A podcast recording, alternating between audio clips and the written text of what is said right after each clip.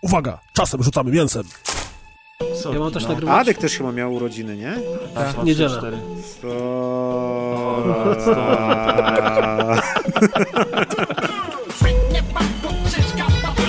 Nie wrzucajcie tego przypadkiem do wypersów, dobra?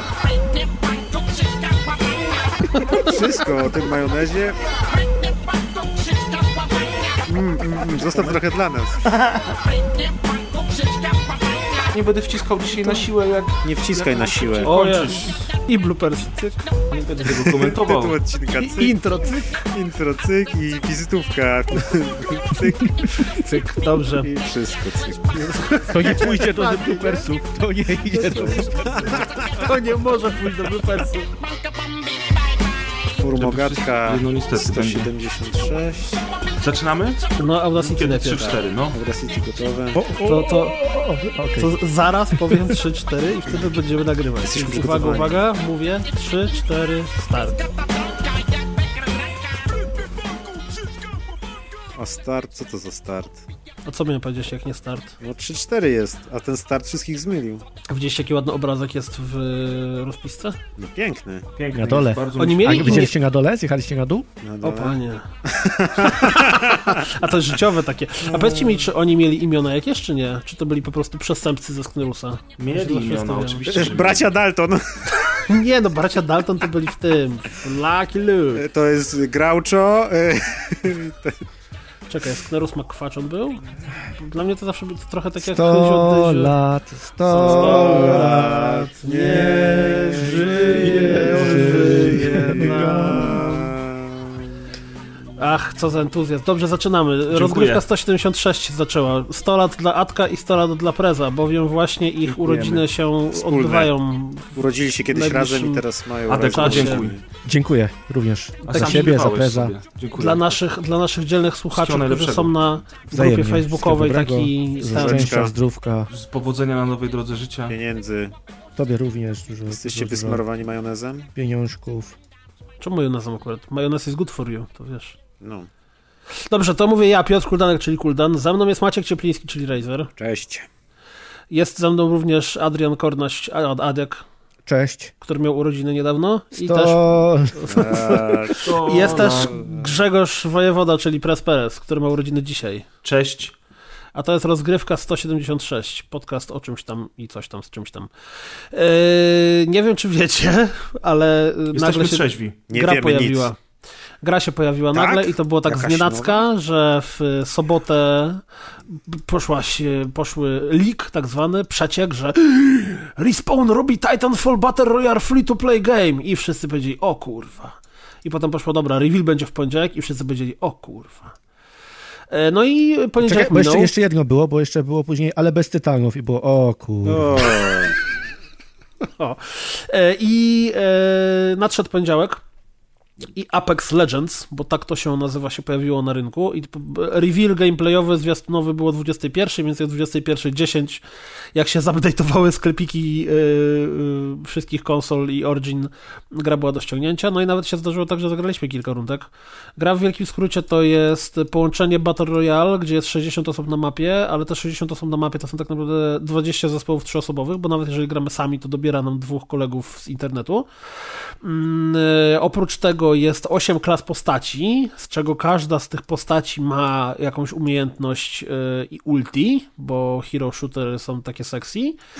E, I co? I graliśmy chwilę. My Bardzo fajne graliśmy połączenie. Znaczy jakieś... ja, ja się totalnie dziwię, że Press tak hejtuje, bo to jest powiew świeżości. Ja ci dam zaraz. Jak ja ci dam. Y, tak, y, ja grałem najdłużej, to zacznę tak na szybko. Y, ja grałem na PC, bo mi się na PlayStation to w ogóle nie chciało zainstalować. Dziękuję PlayStation. Y, natomiast y, obawiałem się, że będzie ciężko na myszce. Tak jak jest w, w Blackout. Nie jest ciężko na klawiaturze i myszce. Jest bardzo dobrze. Ten cały gunplay i gameplay przeniesiony z Titanfalla 2, lekko zmieniony, ale jednak przeniesiony z Titanfalla 2 czuć i to jest super. Nie ma podwójnego skoku, nie ma biegania po ścianach.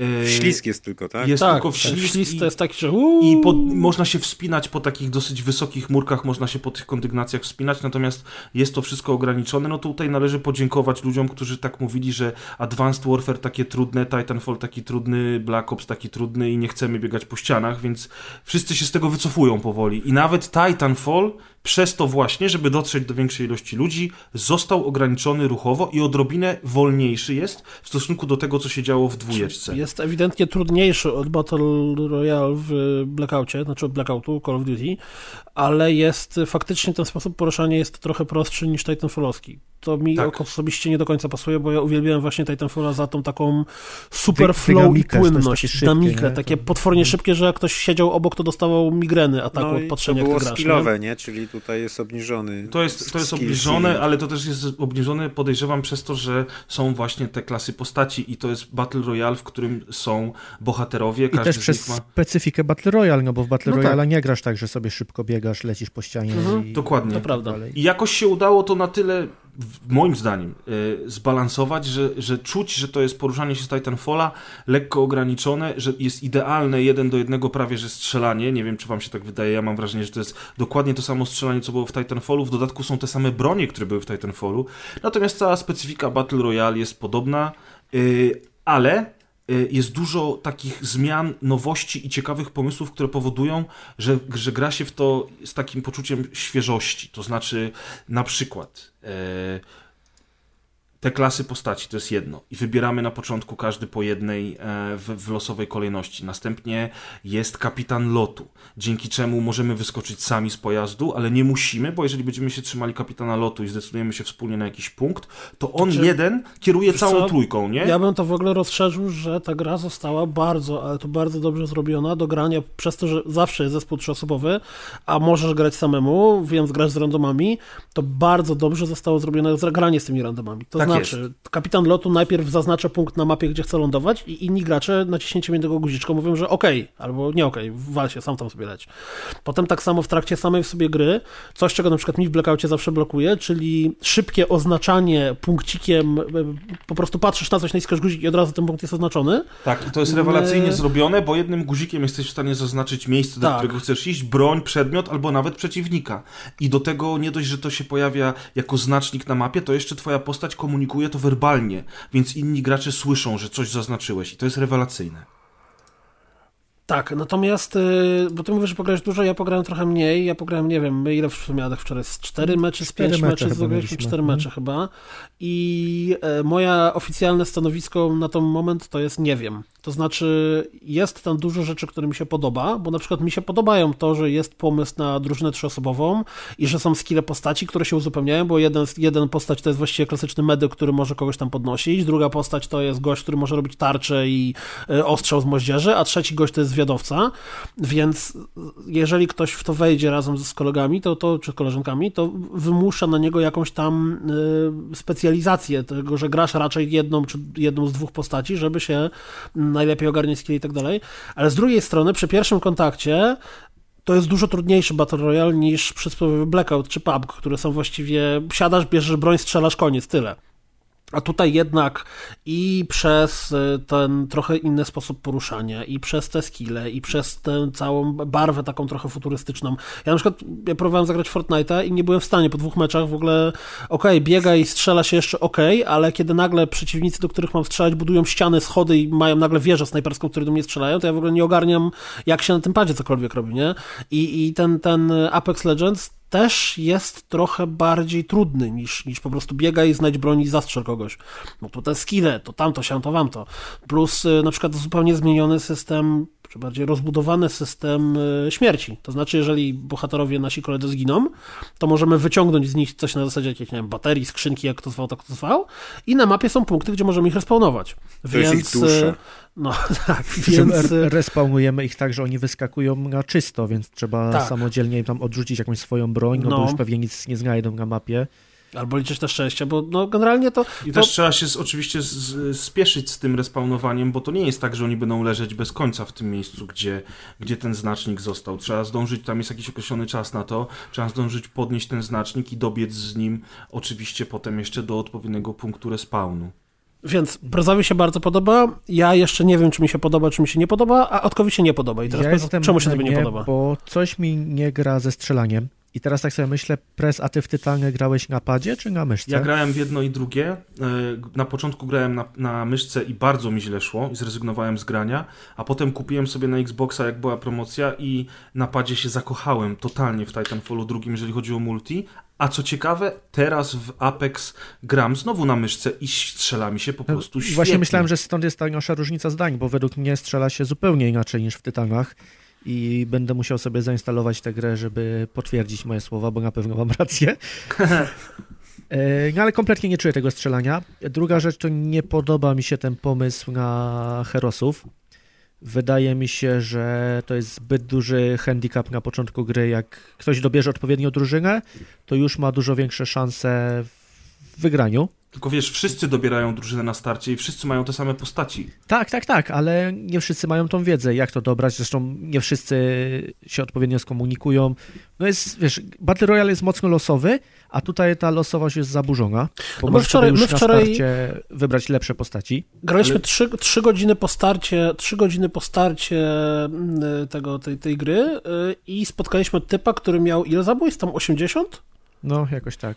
No tak, ja już widziałem gości na takich levelach dzisiaj, że, że to się w głowie nie mieści. Natomiast e, pogramy dłużej i zrobimy sobie taką, takie solidne omówienie gry. Natomiast ja nie uważam, że to jest handicap, bo postaci jest 6 plus dwie zablokowane. Te zablokowane. właśnie to jest mm, kolejny minus według mnie, że jest strasznie mało tych postaci. Tylko, że te postacie na pewno będą dodawane, tak? No tak, ale wiesz, Overwatch, Overwatch zaczął z 21 jed, jednoma, 21 postaci miał na No tak, starcie. ale Overwatch nie był fajny, to inna sprawa. Był fajny. E, W każdym A razie... tutaj te 8 postaci to ci daje 331 kombinacji na start. I, To jest mało? I tyle. To jest bardzo mało. No okej, to twoim zdaniem to jest mało, moim zdaniem to jest w sam raz na początek, żeby się nauczyć, na pewno I będą nowe postaci. Kolejna rzecz, jaka mi nie pasuje jeszcze, to mam strasznie taki feeling, jakby to była jakaś beta. Jakby to było na szybko robione, to po, po menusach bardzo widać. One są jakby na placeholderach wsadzone. Znaczy, Lista skórek. o menusach. To, tak, o menusach. Ale menusy to są takie, to jest takie miejsce, w którym spędzasz 30 sekund podczas ładowania Ale to misji. nie ma znaczenia, dopracowana gra jest dopracowana cała, a nie. Ale wiesz, ale mówisz o menusach, a sama gra moim zdaniem na przykład jest bardzo dopracowana. Ja tą mapę już zwiedziłem całą prawie. Widzę tam mnóstwo elementów z y, Titanfalla 1 i 2. Znaczy właśnie, też kolejna zmiana, której, której nie było, nie ma, znaczy chyba mówisz, że w Fortnite tak jest. Jak trafiamy do miejscówki, to różne miejscówki mają różną szansę mm, y, jakości lutu, który tam znajdujemy.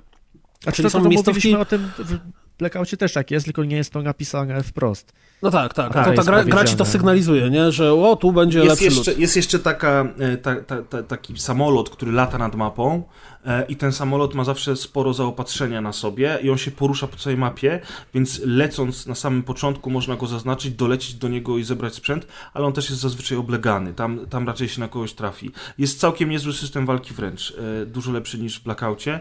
No ja tylko powiem, że mi się podoba, podoba mi się oprawa graficzna, chociaż jest brzydziej niż e, w Titanfall 2, ale to wiadomo, że musi być, żeby, żeby ludziom to wszystkim chodziło.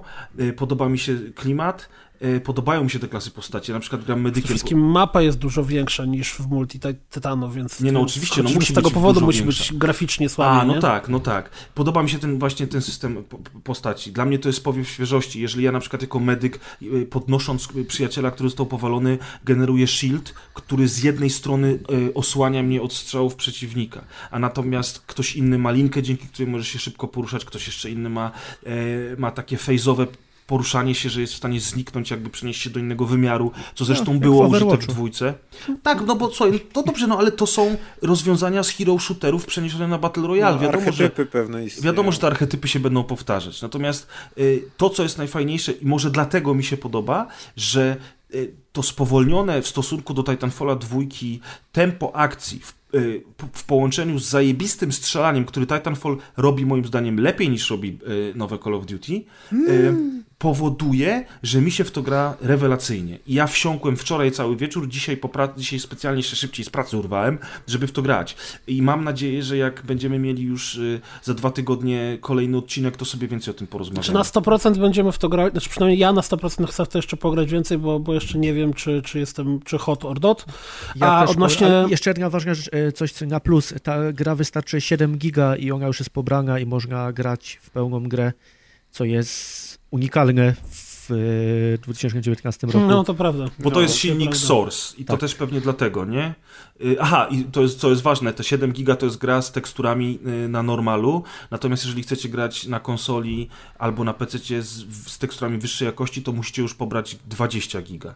No tak, Ale nawet normalnie działa, no 7 da się grać wygląda- spokojnie. To, to nie jest tak, że to jakoś okropnie wygląda, wiesz, no, no okej, tam to dalsze, dalsze tło czy coś, to, to jeszcze tak średnio, ale, ale to nie jest tak, że żyga. Znaczy, mówiąc szczerze, ta gra z teksturami na low, czy tam na normal, jakkolwiek, wygląda lepiej niż Blackout, więc yy, No, jest. no. Ja Znaczy, jestem bardzo Blackout, na jak się tak. doczyta, już jest okej. Ja To myślę, tak, że połowie meczu, nie? połowie meczu. Ja myślę, że No. Atka jeszcze przeciągniemy na naszą stronę. Nauczymy się Ja jeszcze chciałem tylko powiedzieć, trafiłem dzisiaj na newsa odnośnie tego mm, biegania po ścianach i tytanów. Yy, Nie pamiętam, czy to się wypowiadał producent gry, czy to się wypowiadał Zempera. Generalnie ktoś, ktoś z teamu od Apexa, że mm, zadali mu pytanie po pierwsze, czemu nie ma takiego flow poruszania się, jaki był w tytanach, po drugie, czemu nie ma tytanów w grze. I jeśli chodzi o pytanie o tytanach, to wymijająco odpowiedział coś na zasadzie, że no bo to jest gdzie indziej się dzieje akcja, tam to już jest po wojnie, tam już nie było tytanów, tam coś tam, tu nie ma sensu, żeby tytany były w ogóle.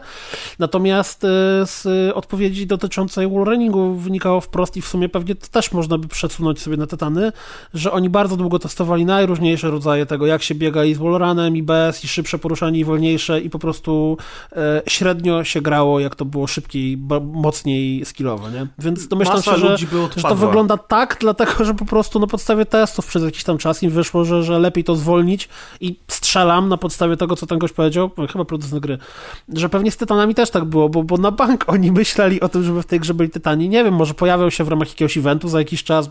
Wiecie, przecież ta gra ma teraz żyć sobie przez rok, dwa, pięć, jak to te wszystkie inne. No, właśnie oczywiście, abstrahując od typu. tego, czy nam się gra podoba, czy nie, myślicie, że ona faktycznie przeżyje długo i ludzie będą w to grali? W ciągu To 8 zależy od godzin od, wsparcia. revealu zagrało w to No milion dobrze, osób. ale no, To jest okej, bardzo dużo na początek. To jest No ale tak, dzień, ale nie? w dzisiejszych czasach też tak jest, że właśnie te osoby potem po miesiąc, po trzech miesiącach zostanie tysiąc osób. No tak, no ale wiesz, Wydaje mi się, że jest tak ciężko przewidzieć teraz. Oczywiście, że jest ciężko rynku. przewidzieć. Absolutnie najważniejsze. Ja uważam, że najważniejsze jest to, co y, Respawn zrobi za miesiąc, czy za półtora miesiąca. Czemu Fortnite jest tak zajebiście popularny? Pomijając to, że dzieciaki sobie tam chodzą na koncerty, marshmallow i tak dalej. Ale właśnie te koncerty są tam organizowane, pchał nie? na maksa zmieniania sezonów. Fortnite teraz ma który? Ósmy, dziewiąty sezon w przeciągu tam półtora roku, czy, czy dwóch lat od, od, od startu bety. Więc jeżeli e, to będzie tryb, który będzie żył, ciągle będzie się tam coś zmieniało, będą dochodziły nowe, nie wiem, nowe eventy, nowe sezony, cokolwiek będzie się tam działo, to wtedy ludzie, którym się spodoba gameplay, zostaną przy tej grze. Ale jeżeli za dwa czy trzy miesiące będziemy mieli dokładnie tą samą mapę, wszystko będzie dokładnie identycznie jak dzisiaj, to pewnie będzie odpływ ludzi. Bo to zabiło PUBG tak naprawdę. Wszyscy, którzy Znaczy, co zabiło że... Znaczy, przepraszam, no okej, no i tak, tak, ale, ale, ale oczywiście PUBG żyje, jest masa ludzi, którzy w niego gra i tak dalej, ale nie ma tej masy, która była w momencie, w którym jeszcze nie było Fortnite'a. I ludzie komentowali to zazwyczaj w ten sposób, że okej, w PUBG się nic nie zmienia. Mieli dać nową mapę, a tej nowej mapy nie ma tam od pół roku. Czemu jeszcze nie ma nowej mapy? I okej, teraz w PUBG już się zmieniają te rzeczy, chyba trzecia mapa jest. Mm, Ale te gry dobrze sobie radzą tylko i wyłącznie, jeżeli y, ciągle tam coś się zmienia i coś dochodzi No tak, tak, dalej. no ale tutaj Ameryki nie odkrywamy. Jak będą to rozwijać, to ludzie zostaną. Ja uważam, że milion osób w ciągu 8 godzin to jest dobry start i niezłe zainteresowanie tematem, a to wszystko dlatego, że było, e, że to było niezłe zaskoczenie i to No po prostu właśnie. dobrze wygląda. Ale teraz, moi drodzy, przejdźmy do tematu istotniejszego niż sam Apex, bo to moim zdaniem jest kwestia gustu. E, e, czy, czy ktoś woli PUBG'a, tego Fortnite'a, czy, czy Blackouta, czy ktoś właśnie będzie wolał Apex, e, to, to jest jedno. Natomiast to, co się wydarzyło i co jest, nieistot, co jest istotnie ważne w przypadku premiery Apex Legends, to jest kwestia właśnie tej promocji i nie do końca zdawaliśmy sobie z tego sprawę. Plotki pojawiły się w sobotę, zaczęły się już pierwsze dyskusje, ale na szczęście nie rozwinęły się one za bardzo, bo w poniedziałek wieczorem gra została już pokazana światu. Am, I teraz y, pokazali, y, y, pok- dzisiaj czytaliśmy z Kuldanem artykuł.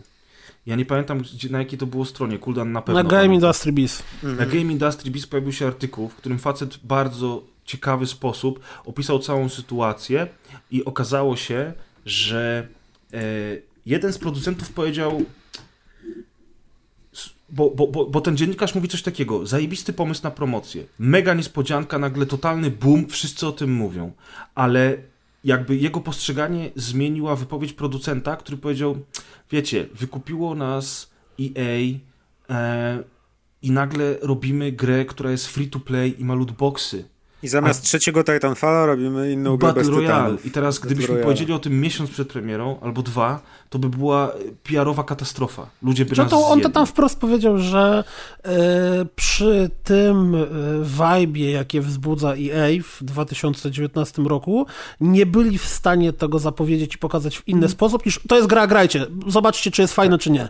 Bo tam... niezależnie jakby to pokazywali, to zawsze byłby hejt, że jest będzie tak. burza, nie? I tak właśnie i widzieliśmy dyskusję w internecie dzień wcześniej na Twitterze, dyskusję różnych ludzi, którzy na przykład właśnie mówili o tym, e, jak to Electronic Arts strasznie krzywdzi te studia i w ogóle, i w szczególe, i tam były różne dywagacje, teorie o tym, że Titanfall 2 został wypuszczony w ogóle specjalnie w takim okresie, kiedy został wypuszczony, to wszyscy pamiętamy. I e, tylko po to, żeby Respawn nie zarobił na tej grze, bo jak nie zarobił, to jej było w stanie ich e, wykupić. Więc żeby dla niego zrobili żeby najpopularniejszą zrobili... grę y, tak. obecnie, czyli Battle Royale free to no, play. Wiesz, czyli te, te, teorie spiskowe to jest po prostu, wiesz, jakiś, jakiś totalny kosmos, ale rzeczywiście ten artykuł jakby dał mi do myślenia i pokazał jak dzisiaj i, i funkcjonuje internet. I faktycznie e, tam jest też taka wypowiedź, że dziennikarz, pewien recenzent filmowy powiedział e, recenzentowi growemu, że mówi, słuchaj, nasze środowiska są podobne, ale w przeciwieństwie do was my lubimy to, co opisujemy. My lubimy filmy, a wy nie lubicie gier. I ten dziennikarz potem pisze, że generalnie rzecz biorąc, to nie jest tak, że nie lubimy gier, ale najlepiej sprzedaje się, najlepiej się klika, najlepiej się czyta sensacja. A sensacja jest najlepsza wtedy, kiedy dzieje się coś złego. I on mówi na przykład, że jak była, była afera o crunch w RDR-ze, to to był najlepszy artykuł, jaki mieli w tamtym miesiącu y, na swoim serwisie. Natomiast jak zrobili zestawienie świetnych miejsc do pracy, gdzie gdzie jest fajna atmosfera i tak dalej, to jakby nikt tego nie komentował, nikt o tym nie dyskutował. I to mi dało do, do, do, do myślenia trochę. To jest jedna rzecz, że, że tylko już u nas jakby w branży growej tylko afery się liczą, tak jak w każdej innej sekcji wiadomości, to jeszcze do tego jest, jest całe, cała społeczność ludzi, którzy się wypowiadają i doprowadzili do tego, że nawet duży wydawca boi się odezwać gębę i powiedzieć, co robimy. Zobaczcie, co się stało z nowym Diablo.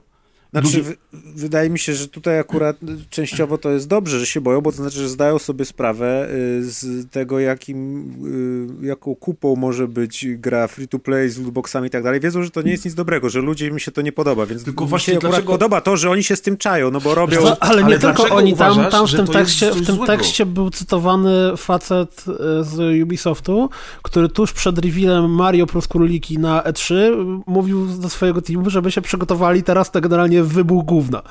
Tak, Więc po prostu jest takie nastawienie trochę, że, że cokolwiek pokażesz, najprawdopodobniej no, ciebie ochlapią. Znaczy, z zaskoczeniem to tak zawsze jest, kiedy wiesz, kiedy, robi, kiedy robisz coś nowego, ale mi chodzi o to, że jest sytuacja, kiedy robisz coś, co, co wiesz, że są trendy bardzo zniżkowe, czyli wszystko to wrzucasz szczególnie... Czyli na przykład dosyć, jesteś EA. Mają trochę dosyć Battle Royale, no ale to ci, co mają dosyć, to nie grają, więc co to ich obchodzi, ale ludzie nie lubią lootboxów i tak dalej i jeszcze EA to wydaje, więc no, no tutaj tak. mnie przynajmniej cieszy to, że oni wiedzą, że, że, że robią najcięższą rzecz, jaką można zrobić, bo będą mieli mega pod górę, nie?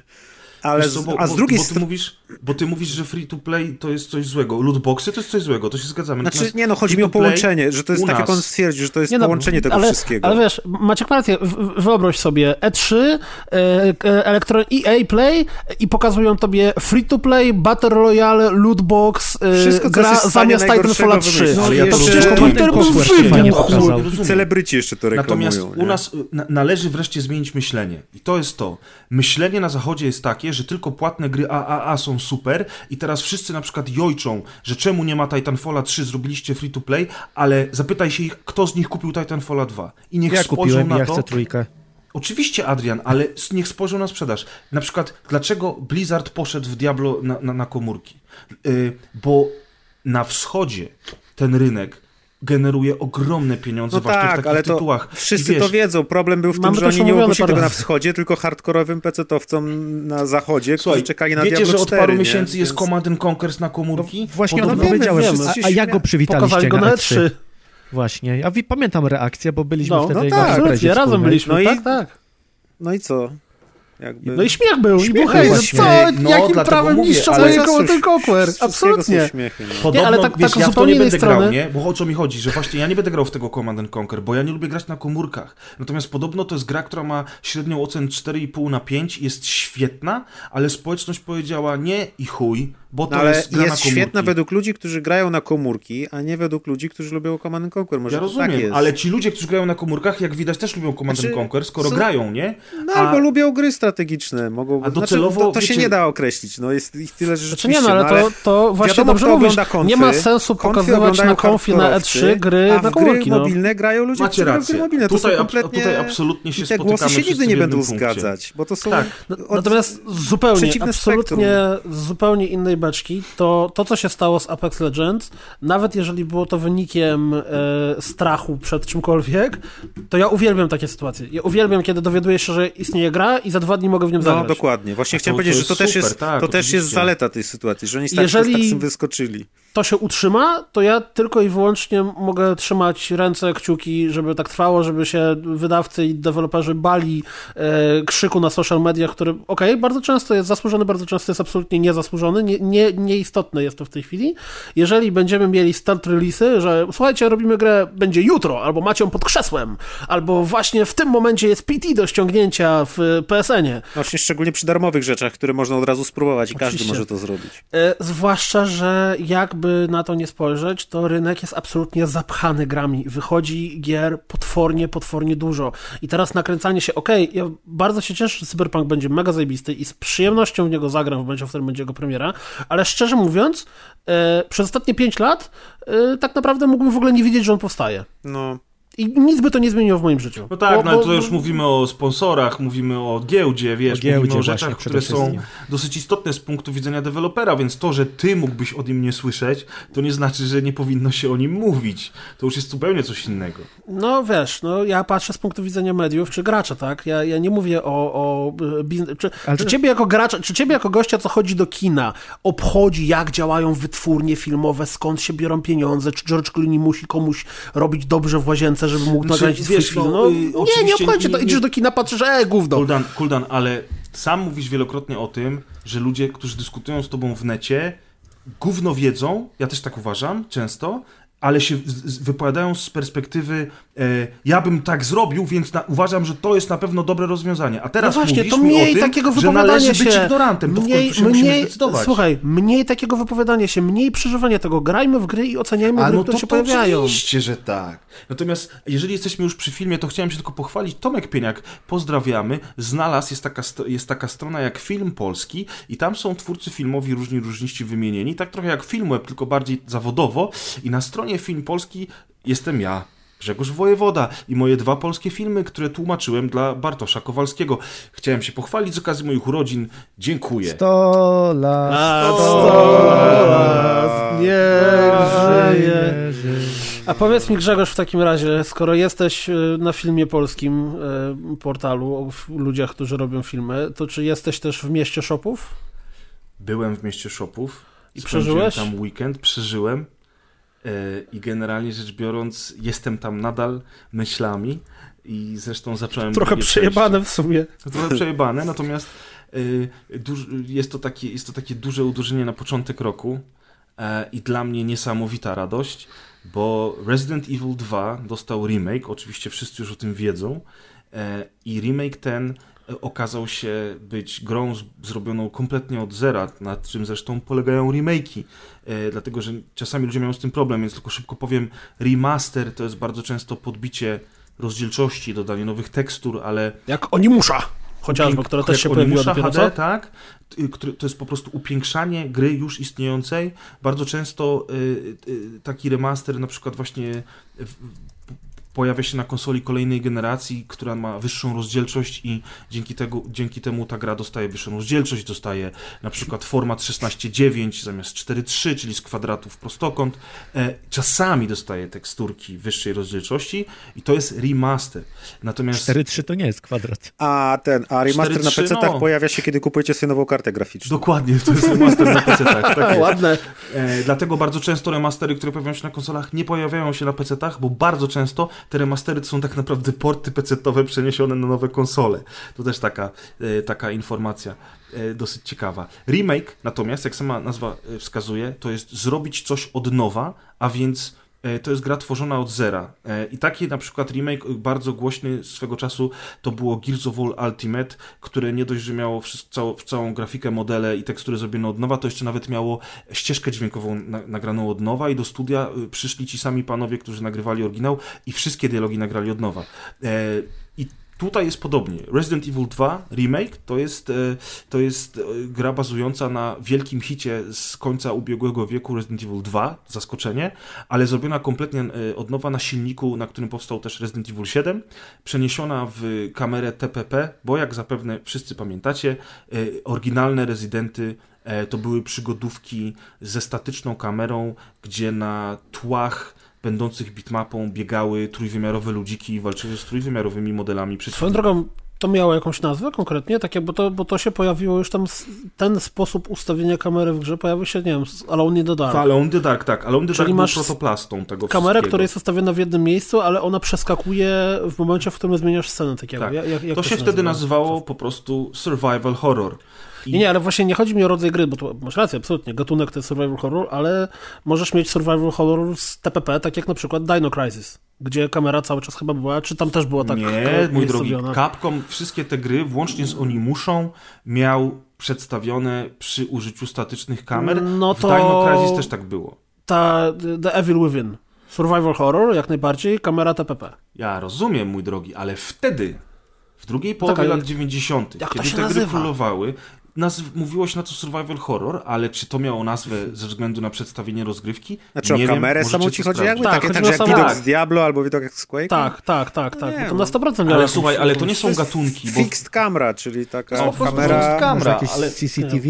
To, to, nie jest, filmowa, nie wiem, to nie jest gatunek gry. To jest tylko sposób przedstawienia akcji, tak no samo tak. jak hack and slash może być w rzucie no tak, nie, ale ja, jak w Diablo. Ja o tym właśnie mówię. Czy... No, ten sposób przedstawienia akcji się jakoś nazywał. No, statyczne ujęcia kamery no, mówiliśmy. No, statyczne. Okay. Fixed camera po angielsku dokładnie tak. No i to fixed camera już na dzień dzisiejszy po 20 latach jest dosyć upierdliwe, wiem, bo przed premierą dwójki przeszedłem sobie Resident Evil 1 HD Remaster, to jest ciekawostka, to nie jest oryginalny Resident Evil, tylko remake, który powstał dla konsoli GameCube, a następnie przeniesiony na PC i konsole nowej generacji, Tyle uzyskał remaster. Dzisiaj. E, tak jest, moi drodzy, więc jakby e, statyczne kamery w dniu dzisiejszym są zajebiście niewygodne i chwała... Niech umrą! Chwała Capcomowi, że postanowili zrobić tę grę w ujęciu TPP takim bardzo mocno współczesnym, gdzie nasz bohater jest y, na, na środku ekranu przesunięty le, leciutko w lewo, sterujemy już nim nie jak czołgiem, poruszamy się normalnie, celujemy normalnie i możemy strzelać przy poruszaniu się. Jest to o tyle istotne, że w serii Resident Evil, kiedy powstało Resident Evil 4, następnie 5, to w tych grach będących już TPP trzeba było stać w miejscu, kiedy chciało się walczyć. To był taki element, wiecie, no, horroru, e, który miał powodować, że, że, że napięcie w trakcie zabawy jest, jest, jest większe. Znowuż to jest też rozwiązanie, które dzisiaj wydaje się archaiczne. Tak więc Resident Evil 2 remake... W Mad Maxie najnowszym tak jest. Chyba tak jest, nie? Że jak się walczy, to, to trzeba stać w miejscu, ale tam chyba się nie strzelało. Yy, znaczy strzela się, no, ale nie za dużo. Nie za dużo, racja. Tam była tam taka broń specjalna, nie? E, pod pewnym przyciskiem e, pada. No i w każdym razie, moi drodzy, yy, fabularnie to jest ta sama gra z, z, pewnymi zmianami, dlatego że twórcy postanowili do, dorzucić parę rzeczy ekstra, żeby ci tacy hardkorowi fani, którzy, którzy grali na premierę i którzy do gry często wracają, nie byli znudzeni. Natomiast nie można być znudzonym grając w nowego Residenta, bo ten mariaż e, starego z nowym to jest y, moim zdaniem idealny hołd dla gatunku horrorów po, po 20 latach. I jakby to, że tutaj mamy dalej maszyny y, zapisu, do których musimy dojść, ale jednocześnie przed ważnymi y, wydarzeniami jest autosave. Więc jak na przykład zginiemy przy walce z bossem, to zaczynamy natychmiast od starcia z nim od nowa. Nie musimy biegać po połowie y, stacji policyjnej czy po jakiejś tam innej bazie i placówce, żeby dojść jeszcze raz w to samo miejsce. To, że ekwipunku jest nadal mało, i, i że miejsca w ekwipunku jest nadal mało, więc musimy oszczędzać amunicję, ale musimy też się zastanowić, co bierzemy ze sobą, co nie, bo y, są skrzynie, w których możemy sprzęt zostawiać. Nie nosimy wszystkiego ze sobą naraz, bo nie jesteśmy wielbłądem. Y, zagadki, e, znajdźki, tajemnice, wszystko to jest i powoduje, że gra jest bardzo trudna. I to trzeba powiedzieć od razu. Gra na normalu jest bardzo trudna, gra na wyższym poziomie trudności jest super trudna. Natomiast y, wynagradzani jesteśmy non-stop za wszystko, co robimy. E, tym, że jest to gra y, przynosząca satysfakcję z każdego przebytego korytarza i nowo odkrytego pokoju, ponieważ wszędzie za rogiem coś się może czaić, non-stop brakuje amunicji, jest strasznie i mimo tego, że to są zombie, czyli coś, co teoretycznie nie powinno już nas straszyć, bo od 20 lat jesteśmy Chyba atakowani ciebie. tym w popkulturze, to uwierzcie mi, że ta gra jest zajebiście straszna. Dzięki nowej oprawie graficznej, dzięki niesamowitemu dźwiękowi. Gra ma wbudowany symulator dźwięku przestrzennego w sobie, więc wystarczy, że podłączycie słuchawki stereo e, i uruchomicie w opcjach dźwięku tę symulację dźwięku przestrzennego i to, co się dzieje y, w słuchawkach, to jest po prostu nie do opisania. To trzeba usłyszeć, jak to jest fantastycznie zrobione. E, do tego nie ma tu takich typowych skryptów, które były kiedyś w rezydencie. Pamiętacie scenę, jak psy wpadają przez okno na przykład w pierwszym rezydencie? To każdy pamięta tę scenę. Każdy pamięta tą scenę. Tutaj, tutaj się zmieniło. Tutaj na przykład jest taka akcja, że jak przebiegasz korytarzem, ja miałem taką sytuację, że biegnąc korytarzem y, zobaczył mnie zombiak za oknem i te zombiaki wtedy walą w szybę, one często są w stanie, w stanie wpaść do środka. Dlatego trzeba nosić ze sobą deski i zabijać te okna. Natomiast zabiłem dwa z trzech możliwych okien, bo skończyły mi się deski i zapomniałem o tym. I wracając tym samym korytarzem, yy, zauważył mnie zombiak, który wpadł mi przez szybę, ale mówię, pal go licho, nie mam za dużo amunicji, tutaj się nie walczy z zombiakami, jeżeli nie trzeba, raczej się ucieka. Idę do safe roomu. No i w tym safe roomie sobie wszystko zrobiłem, ale po posterunku policji biegał ktoś, kto mnie szuka i przed tym kimś muszę się troszeczkę ukrywać, więc staram się nie, nie hałasować, chodzę powolutku, po cichutku. I wychodzę z tego safe roomu na paluszkach, za oknem wali burza, są pioruny i ja tylko nasłuchuję, czy gdzieś ten ktoś nie chodzi i zupełnie nie wziąłem pod uwagę tego, że ten zombiak, który wpadł w korytarz dalej, za zakrętem przez okno, chodzi sobie po tej mapie jak chce, bo one są w ten sposób symulowane, że one mogą pójść wszędzie i one się poruszają po danym o, obrębie jak chcą. Ja otwieram te leci- leciutko te drzwi i w tym dźwięku przestrzennym się okazało, że ten zombiak podszedł mi centralnie pod te drzwi i jak mi z pół metra ryknął w ucho, to myślałem, że muszę zmieniać majtki. Druga sytuacja. Y, mam mało amunicji, więc strzelam po kolanach. To jest bardzo duży zarzut ludzi, którzy wcześniej z rezydentem y, za dużo nie mieli wspólnego e, i którzy mówili, nie chcemy już y, zombiaków, bla, bla, ale jak się pojawił rezydent, to powiedzieli, dobra, okej, chc- jednak chcemy, y, bo, bo to jest coś innego, a jak już się okazało, że to jest coś innego, to powiedzieli, czemu to nie są zwykłe zombie? Dlaczego jeden strzał w głowę nie zabija? Ano nie Znaczy, zabija... nie, e, ten, ja sprostuję, bo wiem do czego pijesz. Ta rozmowa na grupie nie dotyczyła Wiele tego, że tych jeden rozmów było. Nie tylko na nie grupie. zabija, tylko chodziło o to, że czasem trzeba kilka strzałów, czasem jeden Tak. i nie ma Tak jest. jakiejś stałej zasady co do tego. Nie ma stałej zasady, dlatego że to jest survival horror i trzeba podejmować cały czas decyzje. Jak No tak, ale survival- nie, nie wiesz, czy. Nie wiesz, dlaczego masz podjąć, jaką masz podjąć decyzję, na podstawie czego, bo to jest losowo. Czy dany zombiak zginie od jednego, czy od pięciu strzałów. Tak, jeżeli używasz podstawowych pistoletów, to zawsze jest to losowe. Dlatego y, lepiej strzelać w kolana i wtedy zawsze mniej amunicji schodzi. Zombiaka można powalić, można go dobić nożem albo go ominąć. I właśnie do tego idę. Natomiast jak pojawiają się shotguny czy magnumy, to ten problem znika. Y, Ale jest też kwestia małej ilości amunicji. Dlatego zawsze trzeba planować. To jest wbrew pozorom y, stricte survival horror w starym stylu. Czyli, czyli właśnie non-stop musisz podejmować jakieś decyzje i uważać na wszystkie surowce, których używać. No i w każd- używasz. No i w każdym razie miałem właśnie taką sytuację, w której dwa zombiaki w pewnym zagraconym pomieszczeniu, gdzie stoi bardzo dużo szafek, mnie zaatakowały. A ponieważ musiałem się między nimi przedostać, a miałem mało amunicji, to jednego i drugiego potraktowałem po nogach, one się wywróciły, ja zrobiłem swoje i stamtąd wyszedłem. I jakieś pół godziny później, albo i dłużej, przechodzę w tym samym miejscu, bo przed kimś uciekam. I mówię, o, to pomieszczenie jest przeze mnie już wyczyszczone, tam się schowam. No i wchodzę do tego pomieszczenia, jest ciemno, jak w kieszeni u Leona w spodniach. I ten koleś, który mnie gonił, gdzieś tam przemik, prze, przenika i w tym momencie słyszę za plecami takie ra i mówię, ja pierdzielę, przecież tutaj na podłodze się wałęsają dwa zombie. I w tej grze to jest niesamowite, że te historie tworzymy sami. I to jest to, co mi się najbardziej w tej grze spodobało, że te, te nowe zombie są symulowane i dzieje się masa rzeczy, które które nie są wyreżyserowane. One się dzieją w zależności od tego, co myśmy wcześniej zrobili. Na przykład jest taki duży potwór, jeden z dużych potworów, które się grze pojawiają, który, który u mnie, ścigając mnie, przebił ścianę a na przykład żaden inny gracz, z którym rozmawiałem, jeszcze nie miał takiej sytuacji, żaden z moich kumpli, z którymi gadałem, czy mój brat, który zdążył rezydenta tego nowego przejść już cztery razy, odkąd była premiera. Pozdrawiam. On powinien tu nagrywać, a nie no, Dokładnie. Y, to na przykład im się nigdy ten potwór przez ścianę nie przebił. Y, takich rzeczy jest mnóstwo i to jest wspaniałe. Y, generalnie rzecz biorąc, nawet zauważyłem, że można nie rozwiązać zagadki, bo jak robiłem drugi run i nie grałem już Leonem, tylko Claire, to zaatakował mnie zombiak w pokoju z zagadką. Zagadka polega na tym, że musimy użyć pierwszych liter imion wszystkich plakietek policjantów, które stoją na biurkach, żeby wpisać to do szyfru, żeby coś tam się otworzyło. I zaatakował mnie policjant zombie, bo ja nie miałem przy sobie amunicji. Nie, sorry, przeładowywałem amunicję, a Claire ma pistolet z magazynkiem bębenkowym, nie? Czyli kula, kula, kula, kula. A ten zombie się zbliża. I w, I w tym momencie, jak zombie już jest blisko i macie zaatakować, to jeżeli masz broń podręczną, co było zresztą też w oryginalnych rezydentach, to możesz tej broni użyć, w ten sposób unikając y, zdobycia obrażeń. No i możesz mieć nóż, albo możesz mieć granat błyskowy, albo granat zwykły. Ja miałem tylko zwykły granat i wepchnąłem temu zombiakowi ten granat w zęby, pociągnąłem zawleczkę i odszedłem od niego. Jemu oczywiście wybuchła głowa, ale upadając strącił tą plakietkę z imionem jednego, z imieniem jednego z policjantów i upadł na nią, przykrywając literki. Ale ham.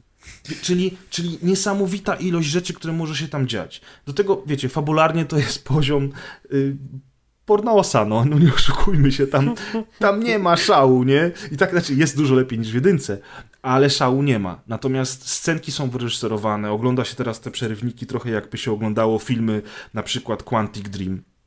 Grafika jest fenomenalna, wygląda to przepięknie. Ten dźwięk, e, poziom trudności naprawdę, naprawdę mocny. A teraz mówisz o pornosach czy o tej grze? Mówię dalej o tej grze. Z pornosami, przepraszam. O pornosach możemy kiedy indziej porozmawiać. Chociaż dla fanów gore... Specjal zróbmy. Dla fanów gore i dla, dla fanów horroru ten Resident Evil to jest taki trochę porno, e, na który po prostu gapisz się i mówisz wow, co tam się dzieje. I Dokładnie ja naprawdę... tak się pornosy ogląda. wow. Ja naprawdę jestem zachwycony i mógłbym o tym rozmawiać godzinami, natomiast y, to trzeba doświadczyć samemu i uważam, że warto bo, bo, bo, bo jakby ilość pracy, która tam jest włożona, ilość zmian względem oryginału, też a propos dyskusji w internecie, ja już też słyszałem, że po co, że można w tym czasie robić nowe gry, że te rozwiązania są dosyć archaiczne, a czemu te zombie to różne kulki, kulki dostają i jedni reagują tak, drudzy reagują tak. A moim zdaniem nie było tak straszącej gry w ten sposób już od bardzo dawna, dlatego że twórcy odeszli od takiego sposobu podchodzenia do rozgrywki. I na przykład dzisiaj bardzo często e, ludzie mówią, prawdziwy survival horror to taki, w którym się nie walczy. A ja mówię, gówno, prawda. W każdym survival horrorze w latach 90. się walczyło. I dzisiaj amnezja czy Outlast powodują, że straszy się tylko w jeden sposób. Jesteś bezbronny, więc musisz się skradać i uciekać. I to jest wszystko, co robisz. Natomiast y, to nie znaczy, że to jest jedyne podejście do horroru, bo taki Resident Evil 2, właśnie remake, potrafi cię straszyć wieloma innymi rzeczami, o których byś w życiu nie wpadł na to, że mogą powodować u ciebie napięcie. Na, na przykład podjęcie decyzji, zostawię to tu, ale będę musiał tutaj wrócić. To może zrezygnuję z czegoś innego, bo ten przedmiot mi się przyda, przyda. No dobra, ale to są naboje. Te naboje też mi się przydają. Zostawić, wrócić, olać.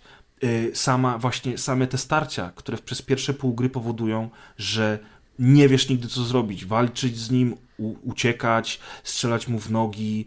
Różni przeciwnicy, którzy się potem pojawiają w grze i żeby nie spoilować, po prostu z nimi się walczy na różne sposoby. Bardzo często się właśnie z nimi wręcz nie walczy, tylko trzeba ich unikać i tak dalej, i tak dalej, powoduje, że takiej mieszanki doznań, jakie przynosi Resident Evil 2, w horrorze, w grach już dawno nie było. I to jeszcze świadczy o tym to, że pod koniec gry, im dalej w las, tym bardziej czujesz się jak Rambo e, i końcówka to już jest trochę takie granie jak w Resident Evil 4, 5 czy 6. Wiecie, granaty, y, mnóstwo amunicji, walki z wielkim zmutowanym bossem, to wszystko w tej grze później też jest, więc tam gameplayowo to się wszystko też zmienia, co jest fajne, bo gra się przez to nie nudzi i po przejściu gry zaczynasz drugi run drugą postacią, czyli tak, taki skrótowe przejście jeszcze raz, ale trochę innymi drogami, z lekuśno y, inną fabułą, po prostu żeby, żeby, żeby móc spróbować gry y, z innej trochę perspektywy. I natychmiast po tym, jak kończysz grę, jesteś Johnem Rambo, strzeliłeś na koniec jeszcze z rakietnicy, bo w każdym rezydencie na koniec się strzela z rakietnicy. Mówisz, dobra, przeszedłem Leonem, zaczynam Claire i trzy minuty później jesteś znowu tym małym, posranym chłopczykiem, który się boi ruszać po tych korytarzach, chociaż się doskonale znasz, tylko dlatego, że dali ci trochę inne bronie, troszeczkę pozmieniali układ zamkniętych i otwartych przejść i znowu masz pięć naboi i te zombie, które teoretycznie powinny być najmniej strasznym przeciwnikiem w tej grze, są tak naprawdę największym zagrożeniem, jakie widziałem w grach od dłuższego czasu. I to jest super. To budowanie napięcia ta różnorodność, to wszystko jest po prostu, już słyszycie, że ja już teraz zaczynam się kręcić w kółko i bym mógł tak do rana mówić, więc kończę, natomiast ode mnie to jest... To, Zombiak musi ci ryknąć w ucho. Ode mnie to jest totalny znak jakości, polecam i każdy powinien w to zagrać. Aha, jest tryb easy. W trybie easy jest autocelowanie i dużo większa swoboda, więc jeżeli ktoś się boi, że nie, nie podoła, to zawsze może zagrać na easy. No ja nie mam zamiaru zagrać Super. w ogóle, bo y, jak tak mówisz o tych tam zombiakach, co wyskakują za ścianę i czołgają się i łapią cię za nogi, to ja bym nie musiał gaci zmieniać, a musiał rozrusznik serca zmieniać w trakcie gry i mógłbym nie zdążyć i byłoby, wiesz, to zabity przez Resident Evil. Ja na pewno zagram, a poza tym bardzo mi się podoba taki trend właśnie remake'ów takich starych, starych naprawdę gier, nie że z zeszłej generacji, tylko takich staroci właśnie i aż bym chciał, żeby teraz na przykład w ten sam sposób Silent Hill pierwszy został przerobiony z obecną nowoczesną grafiką i tak dalej. Albo, albo jakieś takie inne gry właśnie z tego. To mi się podoba. Już tyle lat minęło, po 20 latach można spokojnie te gry właśnie trochę pozmieniać. To też jest fajne, że to nie jest idealnie, tylko tam troszkę jest pozmieniane, ale jest ten duch starego tego. Mega się cieszę, że ten Resident wyszedł. Ach, już się nie mogę doczekać, jak już kiedyś, kiedyś, kiedyś w niego zagram.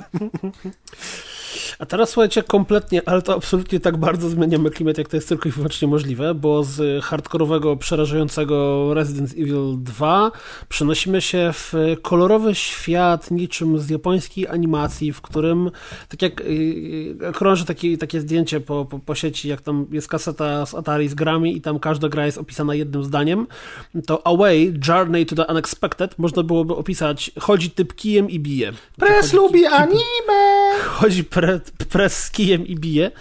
Bowiem y, Away, Journey to the Unexpected jest to gra FPP, w której e, wcielamy się w postać chłopca, który nagle odkrył, że w piwnicy jego domu jest wielka dziura. Jego pies y, daje mu kijek i my wychodzimy z kijkiem na świat i okazuje się, że w świecie pojawiły się jakieś potworusy, które musimy trochę ponabijać, obić je tym kijem. E, I tak jak w poprzednim odcinku mówiłem o Pikuniku, które było zabawną grą, komedią, jakie zwał, takie zwał, to Away też absolutnie wpisuje się trochę w ten, ten trend. Jest to gra, która siebie nie traktuje na poważnie, mm, e, jest tam dużo humoru, jakichś heheszków, typu właściwie w pierwszej scenie spotykamy w naszym domu mm, żabę, która y, zażywa kąpieli w sedesie. I kiedy możemy powiedzieć, że to jest trochę obrzydliwe, to żaba nam odpowiada, ale o co ci chodzi? Przecież kąpanie się jest bardzo higieniczne. A teraz wyjdź, bo ja chcę dokończyć, a ty mnie zawstydzasz. E, no i mm, gra w ogóle jest przedstawiona w, w tak jak to w FPP-ach, czy też w FPS-ach bywa, w, w pełnym 3D świecie ładnym, kolorowym, z, z, ładnymi efektami świetlnymi, a wszystkie postaci, które spotykamy, to są dwuwymiarowe, ładnie narysowane sprite. Bardzo Zagra... ładnie wręcz narysowane. Ślicznie. I naprawdę ta gra, ta gra wygląda jak cukiereczki. I to nie są pixelartowe sprite. Nie pixelartowe sprite. 3D świat też jest nie jest pixelartowy. Wszystko jest bardzo ładne. E, co to jest billboarding? Że patrzą cały czas na ciebie. Tak, tak. Tak, takie dokładnie. płaskie. Tak jak w, jak Wolfenstein 3D na przykład. Tak.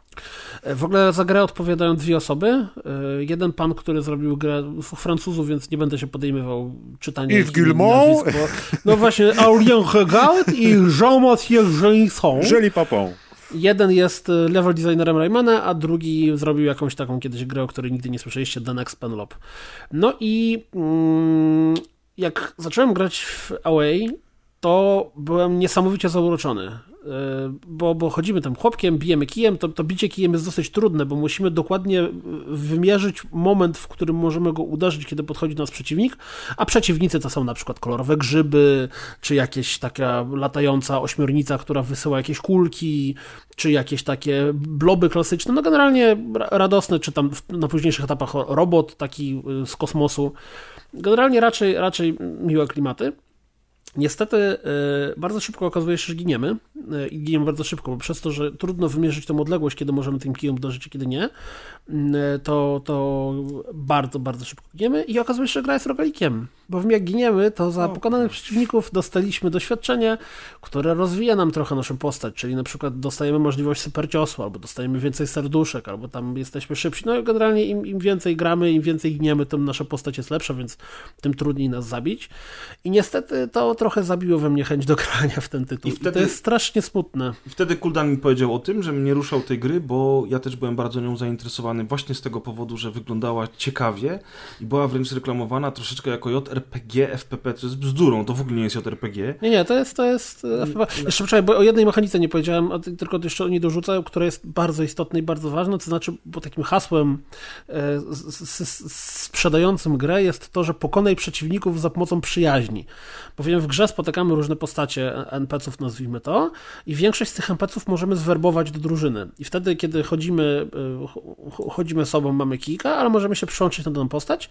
I to, co jest śmiesznie zrobione, to to, że każda postać y, ma inne spojrzenie na świat. To znaczy, jeżeli na przykład jesteśmy czarodziejem, który ma popękane okulary, to po prostu widzimy świat przez popękaną szybę. Jeżeli jesteśmy porąbanym drzewem, to wszystko jest rysowane niczym takim y, węglem, takie wiecie, tak na, na czarno, takimi kontury, cały świat się zmienia. No i każda z tych postaci ma, ma inne skille, e, znaczy ma inny jeden, atak. Jeden konkretny skill. Jeden konkretny atak, ma swój pasek zdrowia, więc tak jak nasz chłopak ma trzy serduszka i bardzo łatwo go zabić, to jak przyłączymy się na pana drzewo, to wtedy dużo trudniej go zabić. No i generalnie cały, cały loop gameplayowy polega na tym, że E, werbujemy przyjaciół do drużyny, pokonujemy potworków, e, odkrywamy, zabijamy bossa na końcu etapu, odkrywamy kolejny świat, pokonujemy kolejne trzy, bo tam są takie instancje, gdzie są losowane, oczywiście, żeby inaczej proceduralnie generowane lokacje, gdzie zabijam potworki, na końcu jest dźwignia Robimy trzy takie lokacje, otwiera się y, dungeon, wielkie słowo, z bossem, y, zabijamy bossa, przechodzimy do kolejnego świata, no i ten loop gameplayowy ma polegać na tym, że gramy w ten sposób, plus im dalej nam się udaje grać, to wtedy odblokowują się skróty i przejścia do, do innych światów od razu. No i ja niestety tym częstym ginięciem y, się zniechęciłem. Za to press. Za to ja jakoś wsiąkłem mimo tego, że ja nie jestem fanem y, rogalików ani proceduralnie generowanych dungeonów i bardzo dużym minusem tej gry jest to, że te dungeony są zajebiście do siebie podobne zawsze, mm -hmm, e, a bo, losowi bossowie są tacy, że na przykład często się zdarza, że dwa razy pod rząd trafiasz na tego samego bossa.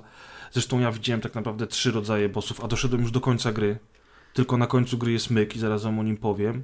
Natomiast y, gameplay, to tak, dla mnie to jest trochę, y, wygląd jest taki, to jest taki kolorowy i słodki Project Warlock, pamiętacie, ten polski szczelany, połączony z taką grą, którą kiedyś mi polecił Dawid Maron z podcastu, pozdrawiamy, a mianowicie z grą o nazwie Zigurat, w którą wsiąkłem, bo to był jeden z pierwszych rogalików takich proceduralnie generowanych w FPP, w którym też się chodziło i z jakiejś różdżki mhm. walczyło z jakimiś tam ziomeczkami, tam też było trochę platformera, bo tutaj e, w Away Journey to the Unexpected też jest trochę platformera i całość jest w miarę przyjemna. Faktycznie walka jest dosyć upierdliwa, bo nie widzisz kiedy przeciwnik ciebie w ogóle atakuje, bo oni nie mają animacji ataku, poza tymi, mhm. którzy w no ciebie plują. Podchodzą do ciebie. Tak, oni, jak oni do ciebie podejdą za blisko, to natychmiast tracisz pół serduszka.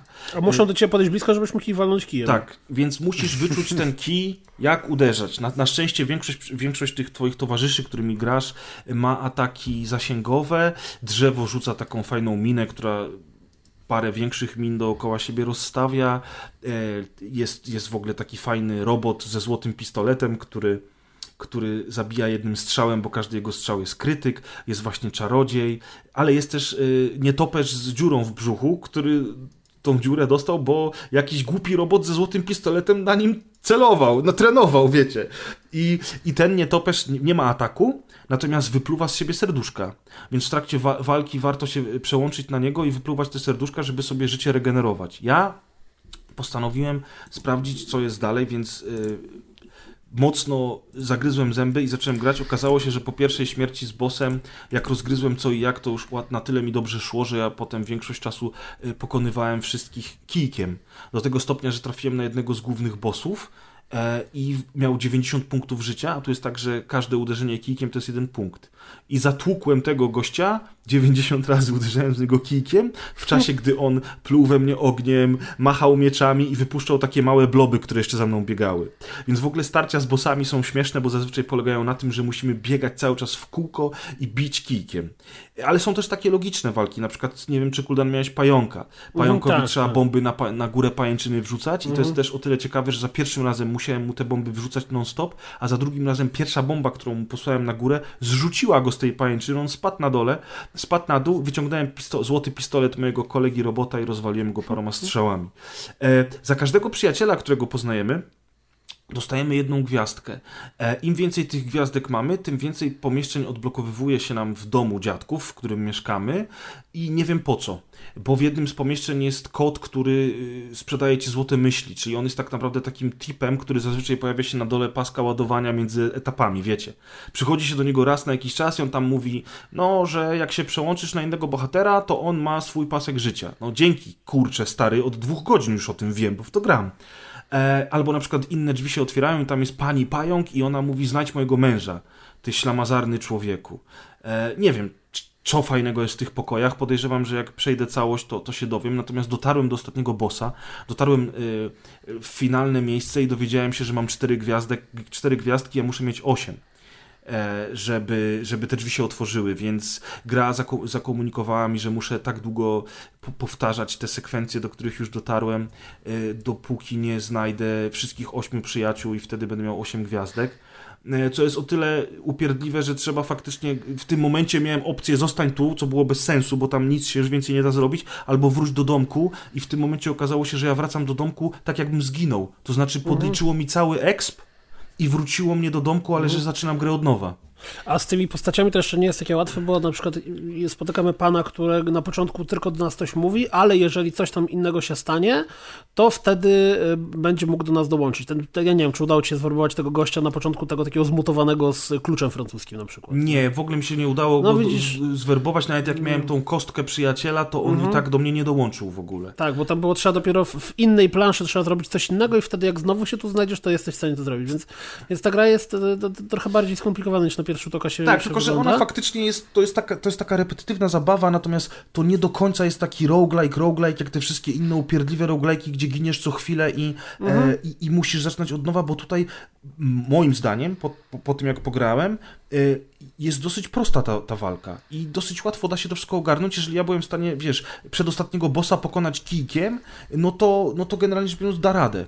E, Czy i... trzeba wyczuć, jak, jak się wyczuje ten, e, ten flow tego walenia kijkiem, to wtedy już jest spoko, nie? Ale dopóki tego nie, nie zrobisz, to jest trochę tak. gorzej. Natomiast to, co mnie wkurza, to faktycznie konieczność powtarzania tych etapów jeszcze raz, zwłaszcza, że na każdej planszy są trzy dungeony, które musimy zwiedzić, żeby pociągnąć wajchę. Jak pociągniemy wszystkie trzy wajchy, to otwiera nam się czwarty dungeon, w którym jest boss. I to jest niestety bardzo y, słabo zrobione, bo te wszystkie miejscówki się powtarzają bardzo szybko i bossowie się mhm. powtarzają. I jeszcze to też, co jest głupie, to to, że te dungeony przez to, że są losowe, to na samym początku gry losowo mi dungeony, które były rozbudowane, jakieś tam, wiesz, 15 przeciwników w środku, jakieś skakanie dla tak. coś tam. A, a potem, potem nagle, nagle jakiś jeden w trzeciej godzinie jedno pomieszczenie Dokładnie. z jednym gościem. Takie super, Dokładnie. dzięki groszy nie robisz tego od początku. Natomiast ja już mam cztery gwiazdki, pięć zdolności z ośmiu odblokowanych i na przykład mam teraz przykrywkę od garnka, którą mogę robić blok. Co też jest o tyle głupie, że nie, nie, albo ja tego nie rozumiem, albo coś źle robię, ale przy bloku nie dość, że tracę jedną z trzech tarczy, e, czyli tych znaczników, ile mogę tą tarczę używać, ona oczywiście się regeneruje po jakimś czasie, to mimo wszystko tracę jeszcze pół serduszka. Więc ja nie wiem, czy ja coś źle robię, czy ta tarcza Pewnie działa. Tak, ja na przykład długo nie niż... rozumiałem, jak się używa tego super uderzenia, nie? bo to, to, to, też trzeba po prostu wyczuć moment, kiedy ten kij zaczyna błyszczeć. Tak. Nie? Natomiast... Bo tak to on robi tylko takie kung fu karate panda. Natomiast ja jestem oczarowany. Y, uważam, to że jest przyjemny tytuł bardzo, bardzo przyjemna gra to jest, tak. Tam e, w, mailu od wydawcy, którego dostaliśmy, było napisane, że mm, e, od razu nastawiono nas, że to nie jest gra, w którą będzie się grało dziesiątki godzin i tak dalej, tylko to jest taki mniejszy, przyjemniejszy tytuł na jakieś 4-5 godzin. Moim zdaniem on jest trochę dłuższy niż na te 4 godziny, bo 4 godziny to chyba go skończysz, jeżeli doskonale wiesz, co gdzie zrobić, jak iść i tak dalej. A jak, jak się dopiero trochę uczysz tej mechaniki, to, to, to wydaje mi się, że to raczej jest jakieś 6 godzin, coś w tym stylu. I oni łączą to z informacją, że z tego powodu gra jest trochę tańsza. To znaczy kosztuje 17 dolarów. Ja nie wiem, jaka jest polska cena y, na Steamie, bo na Steamie nie wiem, czemu Steam czasem nie będzie wyświetlał tobie ceny, dopóki gra nie ma premiery. No ale strzelam, że jakieś 17 dolarów to co? Nie wiem, 60 zł? Może mniej nawet. Może nawet Może mniej. nawet mniej. To, to, to, te 50-60 zł to moim zdaniem jest jak najbardziej y, dobra cena za taki przyjemny, zupełnie inny tytuł. To, co jest bardzo istotne, to przez to, że trzeba wyczuć mechanikę walenia tego kijem, to, e, to nie jest gra dla dzieci. Znaczy, ona wygląda absolutnie jak gra dla dzieci, mimo że tam historia niby nie do końca jest, ale, ale chyba nie ma PEGI 7, ale, ale nie jest taka prosta, jak, jak, jak może się wydać na pierwszy rzut oka. Generalnie rzecz biorąc, na początku w menu otwiera się świetne intro, które leci w tle potem, e, mhm. które wygląda po prostu jak najfajniejsze japońskie anime i tam jest pokazane, jak ten chłopiec walczy. W ogóle swoją drogą, ja byłem przekonany, że to jest dziewczynka. Dopiero jak zacząłem grać i zacząłem rozmawiać z babcią i z dziadkiem, to się okazało, że jestem chłopcem, a w ogóle mam, myślałem poza tym, że mam takie po prostu bardzo długie włosy, a okazuje się, że ja mam na, na, na głowie jakąś czapkę. skórę, czapkę, tam przecież łapy wiszą, to wygląda jak, nie wiem, skóra wilka. No, japońskie bajki ta gra kosztuje 61 zł, ale jest promocja do 8 lutego za 50 zł. No, no to jest cena dobra. Jak jeszcze mam nadzieję tylko, że do premiery y, wyjdzie jakaś łatka, bo mi się na przykład udało, będąc w domku Ale, dziadków... Przepraszam, do którego lutego jest promocja na Go? Do 8. 8, bo 8 jest premiera chyba. Ale premiera jest chyba 13. Premiera jest e, nie, na Gogu jest chyba wcześniej premiera niż na Steam. A, strasznie, strasznie zakombinowali z tym, bo ta, ta gra ląduje na wszystkim. Na PS4, na Xboxie, na Switchu, na PC, na Gogu, wszędzie. Natomiast e, ten, te daty premier są rozsiane tak, że chyba najpierw na PS4, potem na Xboxie, potem na Switchu, potem na PC, jakoś tak. W każdym razie to właśnie, jeżeli chodzi o wersję PC, no to mam nadzieję, że jeszcze przynajmniej na tej wersji graliśmy, że jakieś łatki się jeszcze pojawią bo na przykład mi się często zdarzało, że przenikałem przez ścianę i wypadałem poza mapę, jak byłem w domku u dziadków. O, to ja nie miałem takiego no. pecha na szczęście. Ale ogólnie jest spoko, jest sympatycznie, muzyka trochę mnie męczyła, natomiast graficznie no, jest cukierek. Jest. Graficznie jest cukierek, ta walka jest całkiem przyjemna. To nie jest taki rogalik, który ma cię wkurzać i irytować, a faktycznie jeden taki run zajmuje z 15 minut 20, mhm. więc na przykład mhm. na Switchu to będzie świetna opcja. No, masz rację, na Switchu idealna gra na Switcha, ewidentnie. Generalnie. Ale jest, jest absolutnie absolutnie urocza e, wizualnie. I to jest e, punkt wspólny z kolejną grą, o której, której powiemy, czyli z grą Unruly Heroes która mm, jest pierwszą grą studia powstałego mm, z ludzi, którzy pracowali w Ubisoftie. I mówię o tym w ten widać. sposób, dlatego że jeżeli zobaczycie jakiekolwiek materiały z Unreal Heroes... Co się w tym Ubi dzieje, że co chwilę odchodzą ludzie i, i robią... Nie chcą Far Cry'ów robić. Druga gra dzisiaj. No, nie wiem, tak bywa, ale to są też, wiesz, ma małe studia w sumie. A więc jak zobaczycie, jak wygląda Unreal Heroes, które pojawiło się, y, wracając trochę do Apex Legends, też takim stealth release'em, dlatego, że było sobie Nintendo pokazuje, jakie indyki będą wychodziły na, na Switchu i nagle pyk, Unreal Heroes jest na rynku od teraz! I przy okazji pojawiło się na Xboxie, na PC i chyba na PS4, tak, nie? Bo na wszystko wyszło. na wszystko, mm. tak. Tylko nie na komórki. I koniecznie musicie zobaczyć, jak ta gra wygląda, bo też jest absolutnym cukiereczkiem. Ma śliczną animację, natychmiast Rayman Legends, yy, wspomnienia Ubi Art i tak dalej mhm, są, są w pełni, tam się w, w tłach zawsze dzieje jakaś milion rzeczy, te postacie są bardzo ładnie animowane. To jest naprawdę śliczny tytuł, który gameplayowo jest historią egranizacją właściwie e, podróży na e, Journey to the West, podróży na zachód, czyli tej takiej chińskiej legendy, o którą też oparta było na przykład Enslaved i dlatego mamy czterech bohaterów. Jest to małpa, jest to świnia, jest to jakiś taki śpiący czarodziej, nie wiem, kobieta czy mężczyzna, ciężko ocenić, jakiś taki brodacz. E, jak zacząłem sobie googlać w ogóle podróży na zachód, który ja nie do końca znałem, to, to, to jest, e, że tak powiem, zgodne z legendą, bo tam faktycznie te, te postacie jakiejś ekranizacji też te cztery postacie były widoczne. Mm, A gra sama w sobie jest miksem bijatyki 2D z platformówką. Bo Otero Rayman był klasyczną platformówką, bo każdego przeciwnika pokonywaliśmy po prostu wskakując mu na głowę albo waląc z karata. To tutaj jest regularnie scenka, w której jest normalnie zamknięta arena i musimy się napieprzać z dwoma czy trzema falami przeciwników. Mamy różne ciosy, lepsze, słabsze, mocniejsze, jakieś bloki, jakieś coś tam. Plus mamy cztery postacie, w których przełączamy się w sposób płynny i przełączając się między nimi w sposób płynny, e, każda z nich ma inne skille, inny zasięg ataków. Jeżeli któraś z naszych postaci zginie, to wtedy przeskakujemy na, na kolejną, a ta poprzednia jako jest taki latający w powietrzu bąbelek, który po uderzeniu możemy ożywić. Największą, ale to absolutnie największą wadą tej gry dla mnie jest to, że ma koopa tylko lokalnego, a w online można grać sobie tylko PvP. Tak, próbowaliśmy ja zagrać sobie razem z wielką ochotę Piotrem, przejść zresztą. to dokładnie z prezem, ale niestety okazało się, że koop tylko lokalny.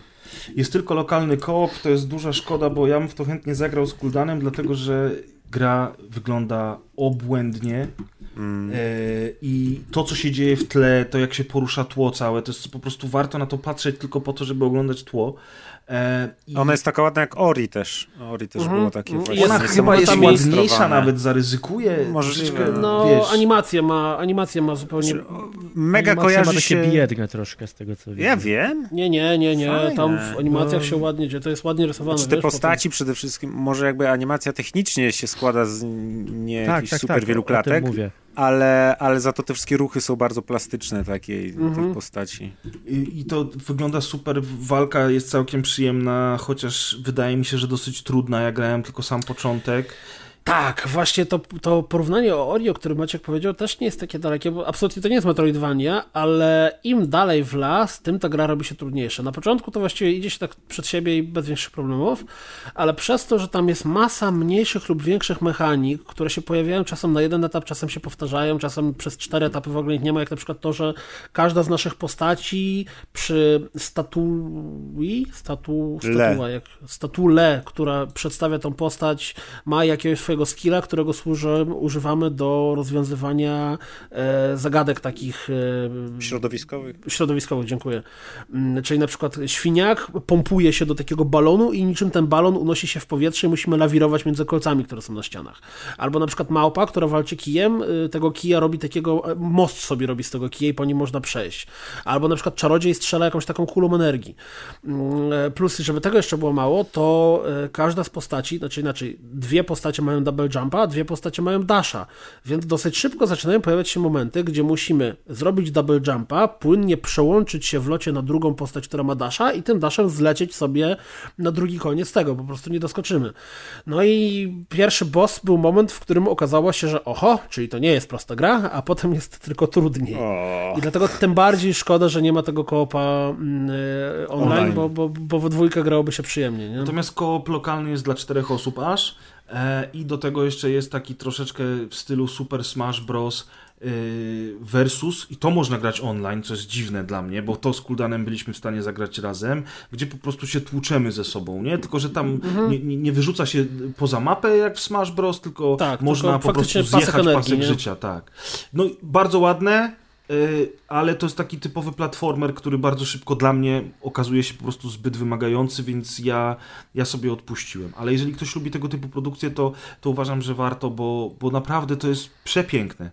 To, to, była, ogóle, to, to, była, to była super gra na to, że jeżeli macie dwóch czy trzech ziomeczków, ziomeczki, koleżanki y, i sobie na przykład wieczór zrobić na przejście jej. Usiąść sobie, nie, spotkać się jakieś 20, jakieś tam piwko, jedno, drugie, winko, coś i sobie po prostu cały wieczór grać i przejść tą grę w cztery osoby. To jest bardzo przyjemny pomysł na wieczór. Oczywiście 80 zł, które kosztuje, czy tam, to zależy się od platformy, nie? bo na Xboxie kosztuje 80 chyba, na PC jest trochę tańsze. Mm, e, na Switchu nawet nie wiem ile kosztuje, bo ceny na Switchu to są zawsze zaskakujące. Eee, ale patrzenie na tą grę sprawia przyjemność. Hmm. Tak A ja wam powiem, co nie, na jaką grę patrzenie nie sprawia przyjemności.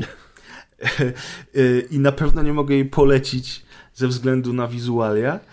A mówię o grze Judge, która pojawiła się teraz na GOG. Jest to gra twórców ze studia Ten Tons I to są ludzie, którzy zrobili wcześniej Crimson Land, więc wszyscy wiemy. O, proszę. Znowu ci. To już To wiele tłumaczy. Zrobili również Tesla versus Lovecraft, którego swego czasu z Kludanem chwaliliśmy. Tak. A potem zrobili Neon Chrome, którego odpuściłem totalnie, bo był po prostu super brzydki.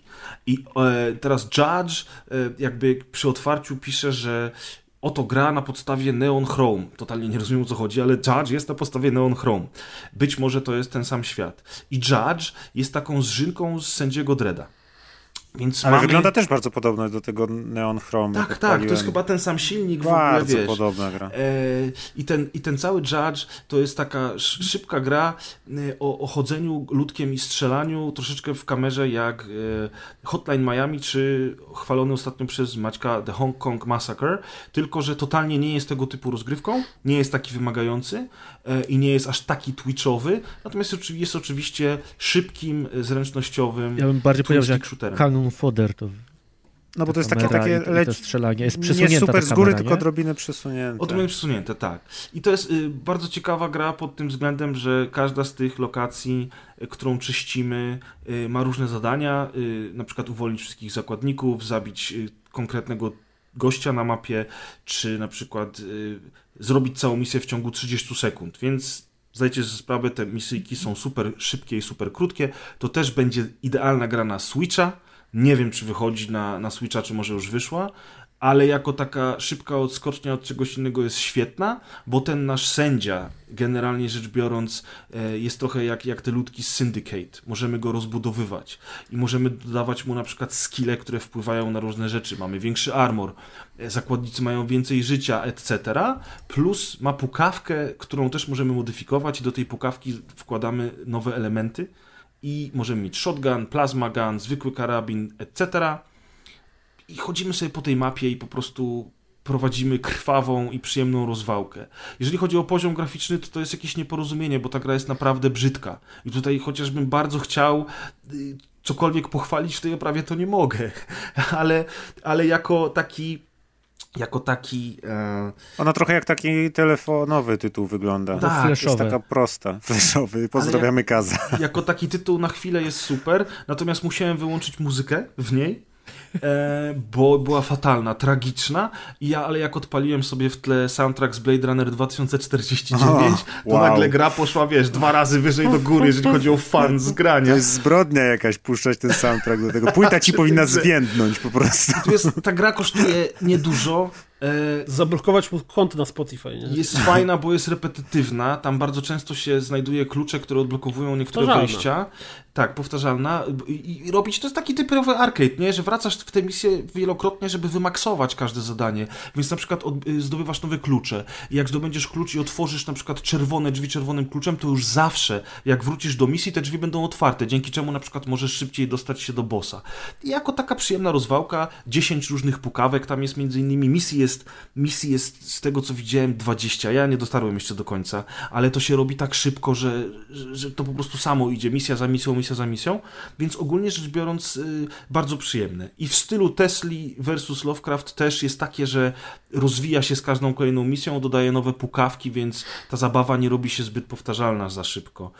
I ja generalnie mówię, że, że to jest całkiem spoko giereczka, ale nie spodziewajcie się cudów. Co? Bo pamiętam, że Tesla był tani jak barsz. Tesla kosztuje, nie wiem, to 20 zł. No Tesla teraz chyba kosztuje 20 zł nawet dalej. Tesla jest. O, widzę, że na Judge Steamie. na Steamie też kosztuje 21 zł, ale jest to 21 zł on przeceniony z przecenie, on jest 54. tak, Chyba tak. ich pogrzało. Na, na tym, na, na Gogu też jest w tej chwili przecena i też kosztuje 21 zł z, prze, z 54. Więc jeżeli chcecie sobie poszczelać, to bierzcie póki Jest jest promocja. Nie, nie ma koopa. Nie. A ma kurde, ale to jest, to jest fajny pomysł na grę, gdzie masz takie misje w mieście, jesteś wzywany jakby na wezwanie policyjne i musisz tutaj kogoś rozwalić, jeszcze tych yy, zakładników uwalniasz, oni sobie tam uciekają gdzieś do twojego samochodu, którym ty potem odlatujesz i tak dalej.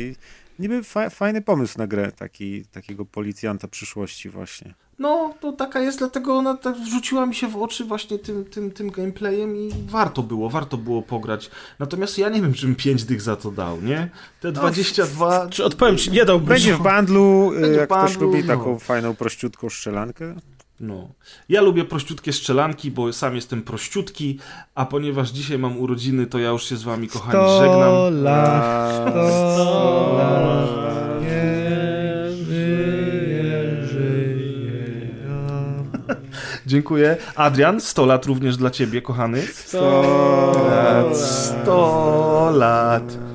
Niech żyje, żyje nam. Dziękuję. Dzięki, do następnego. Strzałka. Cześć. Cześć. Pa.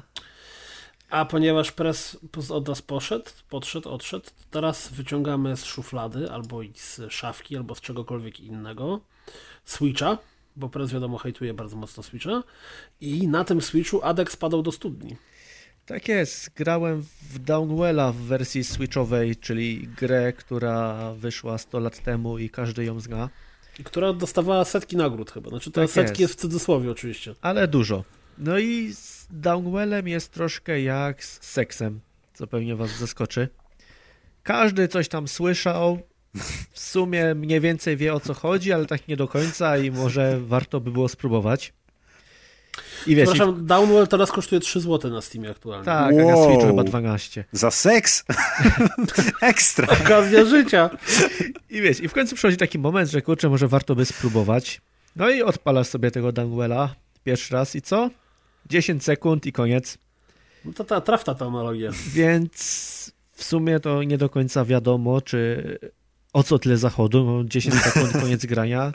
No ale to wiadomo, spróbuję się jeszcze raz, bo może jest tam coś więcej.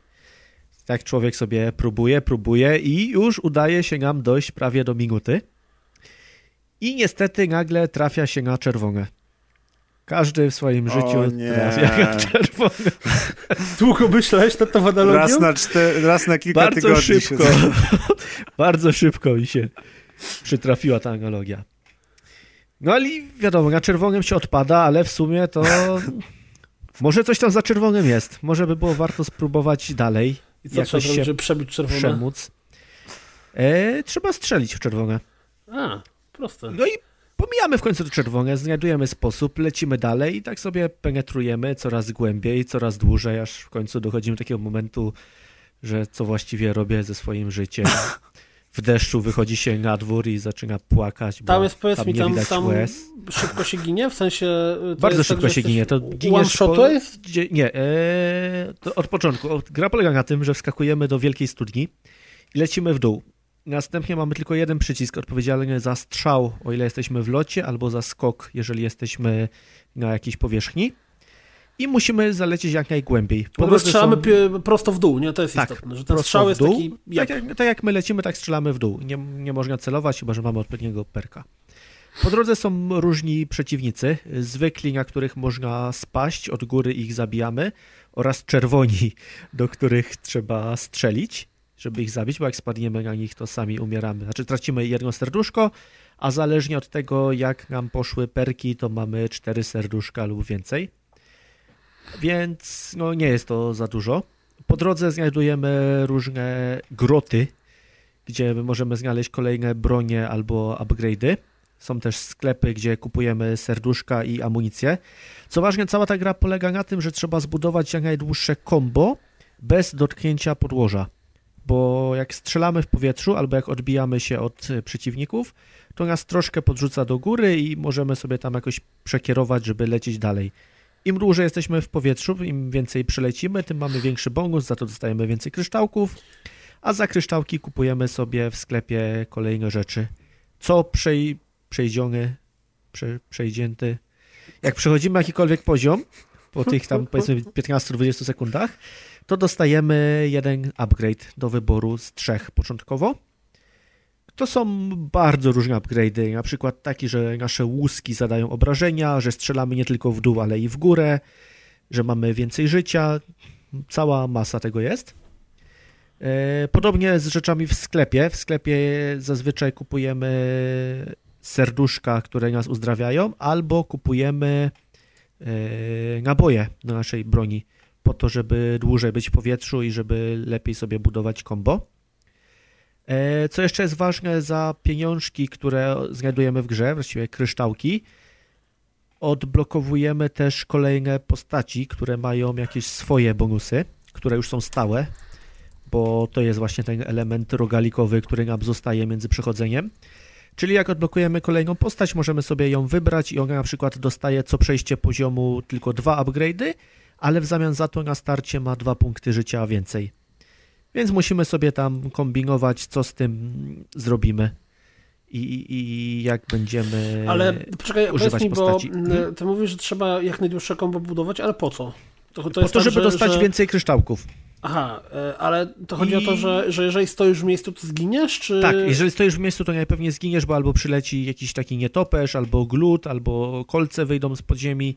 Zawsze coś cię tam dorwie. Wiadomo, na Okej. początkowych etapach to jest prostsze i da się zatrzymać, ale w późniejszych etapach nawet nie tyle zatrzymanie cię zabija, co nawet zbyt częste strzelanie i podnoszenie się do góry też sprawia, że wiesz, lecisz na przykład w stronę czaszki, która leci w twoją stronę, więc za chwilę Powiedz mi, co to jest to takie, patrzę na gameplay i tam na górze jest jakiś taki pasek Gem High, który y, się maleje w trakcie gry. Chyba, że zabija przeciwników, to ten nie maleje. Nie widzę, nie wiem, gdzie jest taki pasek. Na samej górze ekranu. Po lewej, po prawej? A... Nie, na, na środku, centralnie na środku, na górze ekranu. A, to już jest super combo sobie ten. Aha, okej. czyli- Bo też nad postacią masz teraz takie cyferki, które i, ile Aha. ma już combo. No, okej. no to, no to to ci da później kolejne kryształki. E, co więcej, mówiłem o czerwonym, ale na starcie ta gra jest bardzo oszczędna w kolorach. Sama w sobie jest czarno-biała. Plus na czerwono zaznaczone są elementy tacy jak ci, ci, ci przeciwnicy groźniejsi, jakieś kolce oraz kryształki. Ale też za kolejne rangi odblokowujemy różne wersje kolorystyczne, O, które nic nie zmieniają, dalej są bardzo oszczędne w kolorach, ale mają jakąś tam inną paletę barw, na przykład gębojową, jakieś tam różne nawiązania. Nic to nie zmienia, ale jak komuś się wygodniej gra, no to, to to wygląda super płynny gameplay, nie? I To jest taka gra, że taki- sobie ją odpalasz na dwie minutki, przechodzisz kilka razy albo raz, albo akurat ci udaje taki super długi run zrobić i kończysz grać i odkładasz i za chwilkę znowu gdzieś tam w tramwaju sobie odpalasz w kibelku. Dlatego nie rozumiem, jak można w to grać na PC na przykład, bo no totalnie mi ten styl grania nie pasuje do PC. No może też masz odpalone, jak czekasz, aż ci, na, na coś czekasz 5 minut no albo na przykład minutę. sobie al- alt-tabujesz, nie? To się to być może wtedy. Czy to było dobre na komórki, tylko że To to, jest było za na hardkorowe. Było? Było. Wydaje się Jest, dosyć tak, za hardkorowe sterowanie na, na ten. Ona jest bardzo dynamiczna, bardzo precyzyjna. Taka... A czy, ale wiesz co, no to jest tylko lewo, prawo i strzał, więc podejrzewam, że dokładnie w ten No, sposób może. to działa na, na komórkach. E, jeszcze pytałeś, po co robi się te kombosy, bo to jest super przyjemne. To jest jak robienie Bo tak. kombosów w Tony Hawk'u. Po Okej. prostu czujesz się dobrze, robiąc kolejne etapy i wiesz, jak wpadniesz w takie flow, że tam lecisz na setny, setny poziom, znaczy setne mam- combo. Wiecie, jakie niesamowite skojarzenie z tą grą, która y, absolutnie y, nie pasuje ani stylem graficznym, ani tym, że tam się nie strzela, ani nawet tym, że tam się nie leci w dół, tylko w górę, z Icy Tower. Tak, Nie wiem, tak, czy tak, tak. graliście- dokładnie tak. Dokładnie tak. I w Icy Tower tak samo można grać, że albo skaczesz sobie po jednym poziomie i w sumie daleko nie zajdziesz, ale da się Mhm. grać, ale możesz robić super kombosy i lecisz Oczywiście. wyżej. Tylko Tutaj super tak samo. kombosy, wiadomo. Tutaj też, jak zrobisz te super kombosy, to też później łatwiej omijać przeciwników. Mi jak na razie udało się dojść do trzeciego świata, co pewnie jest super lamerskim wynikiem, ale gdzieś tam już chyba 8 minut to trwało, także jest się czym pochwalić. Yeah, nasz Aduś dzielny. Dorasta. Mhm. Ja polecam tę grę, no mówię, ona z tego co pamiętam 12 zł na Switchu Mhm, kosztuje, tak, albo tak. coś pomyliłem teraz i za tyle jest totalnie warto. Na wszystkich innych platformach przenośnych też jest warto, na stacjonarnych nie widzę większego, większego sensu. I przy okazji proszę. pozdrawiamy Karolinę. Tak, tak. Pozdrawiam Karolinę. Yy, a teraz, jak już odłożyliśmy Switcha, to dla odmiany wyciągniemy z szafy mm, e, wirowe hełmy, bowiem mm, znowu grałem na VR-ze i ja grałem na PS VR oczywiście, natomiast gra, o której będę wam mówił, wyszła na wszystko. Znaczy ona jest chyba i na Vive, i na Oculusie, i w ogóle na jakichś pewnie mobilnych VR-ach. Tak mi się wydaje, przynajmniej patrząc po stronie. mm, e, Bo jeżeli jest w Oculus sklepie, to to jest na Oculusa, czy... E, No na Oculusa, ale nie wiem, czy na takie mobilne, których się nie podłącza do PC-ta też. Okej, no to pewnie nie, bo to w sumie jest graficznie wymagające No trochę. właśnie. A więc A Fisher's Tale, czyli opowieść rybaka. Yy, I to jest gra, która właściwie y, bez wiaru trochę by straciła sens. Znaczy, bo, bo bardzo często są gry, które, które VR właściwie jest tam tylko bajerem, a są takie gry, które bez wiaru właściwie mm, tracą, tracą sens i, istnienia i ta gra trochę by tak miała, dlatego że w grze wcielamy się w postać hmm, w postać załóżmy rybaka, który mieszka sobie w domku, ale ponieważ on ma bardzo powtarzalny styl życia, to y, ma swoje ulubione hobby i tak właśnie gra się od tego zaczyna, że to jest tam historia rybaku, który zawsze zaczyna od mycia zębów, no i my stoimy przed lustrem i szorujemy zęby. No a potem zawsze odkurzał swoją kolekcję cennych muszli. No to potem podchodzimy do muszli i oczywiście tutaj, nie wiem jak jest na Vive, ale na PSVR przy, poruszamy się wskazując punkt do teleportu, tak? Czyli, czyli tam w miarę klasycznie wiarowa. Mhm. No i mamy dwie ręce Natomiast to, co jest fajne, nie kojarzę tego z innych gier, ale pewnie to jest jakaś oczywista mechanika w wiarowych grach, to znaczy możemy guzikiem zrobić sobie rękę teleskopową. Czyli jeżeli coś spadło na ziemię, to nie musimy się schylać, żeby to podnieść, tylko naciskamy guzik, nagle nasza ręka jest, ma tak jakby 3 metry, tak? I wtedy możemy podnieść coś, co jest w o, jakie wygodne.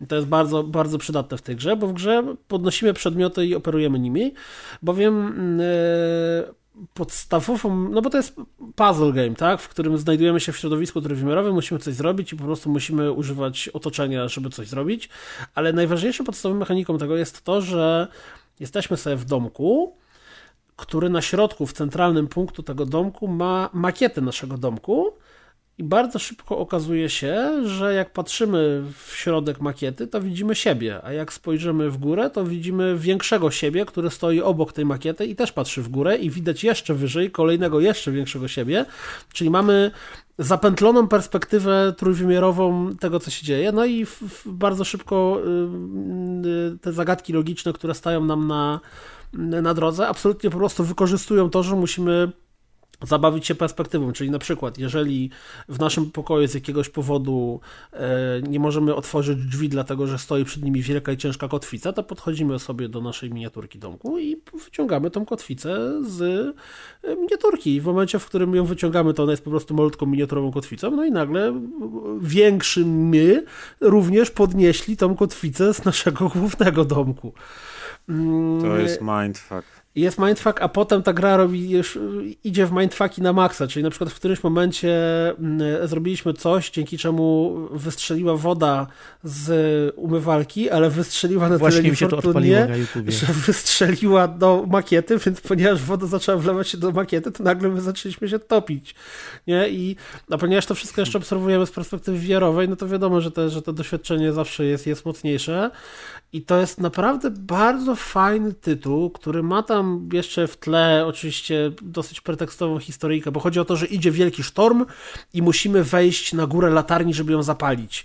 Ale z jakiegoś nieznanego nam powodu mamy same kłopoty, żeby wejść na tę górę latarni, a to właśnie nagle drzwi są zamknięte i nie ma klucza żeby wyjść z głównego pokoju. I nagle pojawia się jedna z muszli z naszej kolekcji muszli, pojawia się pan Krab, który mówi z francuskim akcentem e, i mówi, że on ukrył klucza, dlatego że on się boi sztormu i ty jesteś debilem, że chcesz wychodzić na sztorm, zaraz cię utopi. Ja się nie, nie dam ci klucza, dopóki nie załatwisz mi mojego kapelusza kapitana i koła ratunkowego. No i zaczynasz kombinować, skąd załatwić krabowi koło ratunkowe. Patrzysz, koło ratunkowe wisi na ścianie twojego domu. Ok, czyli podchodzisz do miniaturki, wyciągasz miniaturowe koło ratunkowe, które przy okazji ty większy wyciąga z ściany obok ciebie i zakładasz je na e, głowę, znaczy na, na szyję e, kraba, tak? No i, i, i gra jest podzielona na etapy, gdzie właściwie a to musimy otworzyć drzwi, a to musimy otworzyć na schody w każdym z tych etapów jest jakaś postać, nazwijmy to w cudzysłowie, która nam towarzyszy, czyli właśnie czy to jest krab, który wyszedł z naszej ulubionej muszli, czy to jest ryba, która jest y, trofeum powieszonym na ścianie i nagle okazuje się, że ona nie jest trofeum, tylko jest faktyczną rybą, czy to jest na przykład nasz ojciec z obrazu, który do nas mówi, ciągle nas ochrzanie, że my nigdy się do niczego nie dawaliśmy i w ogóle jesteśmy ciamajdą i tak dalej. Największy problem, jaki mam z tą grą, ale z drugiej strony to absolutnie może nie być problem w zależności od tego, jak to podejdziemy, da się skończyć w jakieś dwie godziny. Mi to zajęło półtorej, mniej więcej, a mm, widziałem na, na, na YouTubie, że jest gameplay w ogóle, który ma 52 minuty. Speedrun. Więc, e, więc jest to gra do skończenia w godzinę, a kosztuje jakieś chyba 60 zł. No i teraz wszystko zależy, jak na to spojrzymy. Dużo, no jak za 60 zł za godzinę grania, czy za dwie godziny grania, dosyć dużo. Szczególnie, że re regrywalności chyba nie ma. Zerowa regrywalność jest, tak. Regrywalność jest absolutnie zerowa.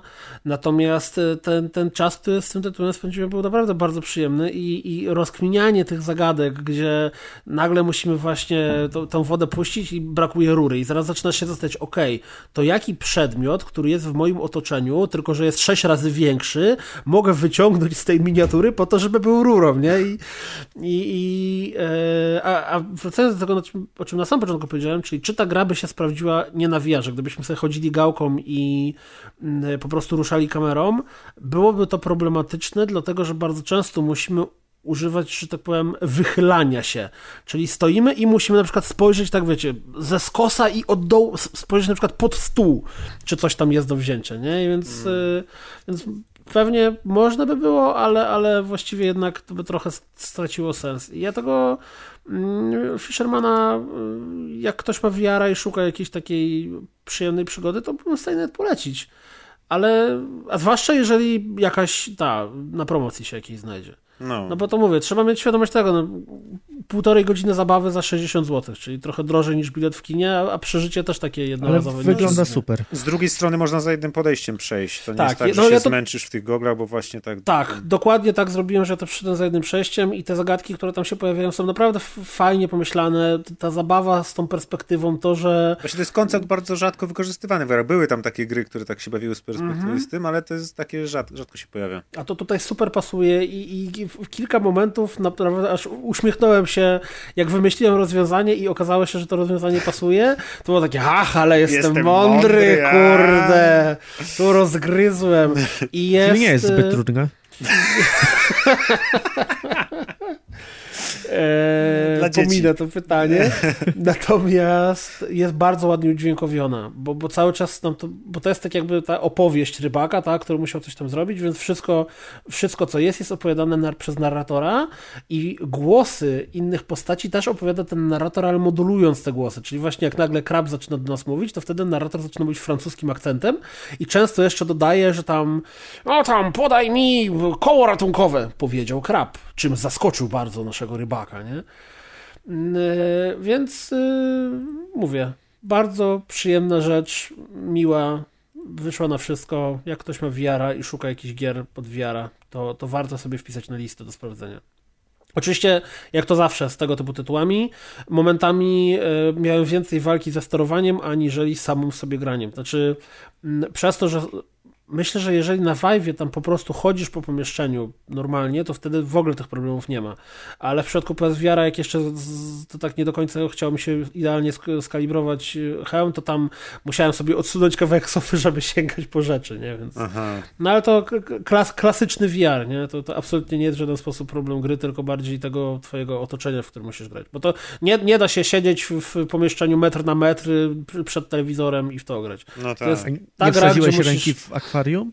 Nie, ręki, już nie mam akwarium w domu, więc ręki w akwarium nie wsadziłem, ale mógłbyś w tej grze wsadzić rękę w akwarium, bo jest właśnie to poruszanie się po przestrzeni, bieranie rzeczy z lewej, z prawej i odwracasz się i zaglądasz pod stół i na stół i patrzysz do środka i patrzysz do tej miniaturki ale tak. No i te, te wszystkie, jest tam absolutnie dużo elementów, które, które są niewymagane do przejścia gry, ale właśnie na przykład mm, poczucie tego, że wkładasz do pomieszczenia, w którym jesteś zajebiście wielki widelec, czy na przykład filiżankę i tak kurde. No właśnie, ona się nad tobą pojawia, nad tak, głową. Tak, dokładnie. I właśnie samo to, samo, samo to zapętlenie, czyli jak w portalu było, nie? że mogłeś zrobić portal i na siebie spojrzeć. Mhm.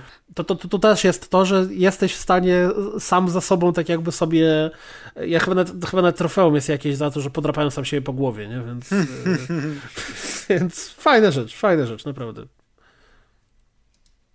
No tak to patrzę, fajnie. Patrzę co dalej, to teraz znowu wyciągamy Switcha, ale nie tylko wyciągamy Switcha, bo gra, o której będziemy mówić, wyszła na każdy sprzęt, za wyjątkiem PlayStation, ale na PlayStation też ma wyjść, bo pewnie się nie dogadali. Wargroove czyli gra, która jak dzisiaj się dowiedziałem, trzy dni e, od premiery już się zwróciła, e, jeśli chodzi o koszty produkcji.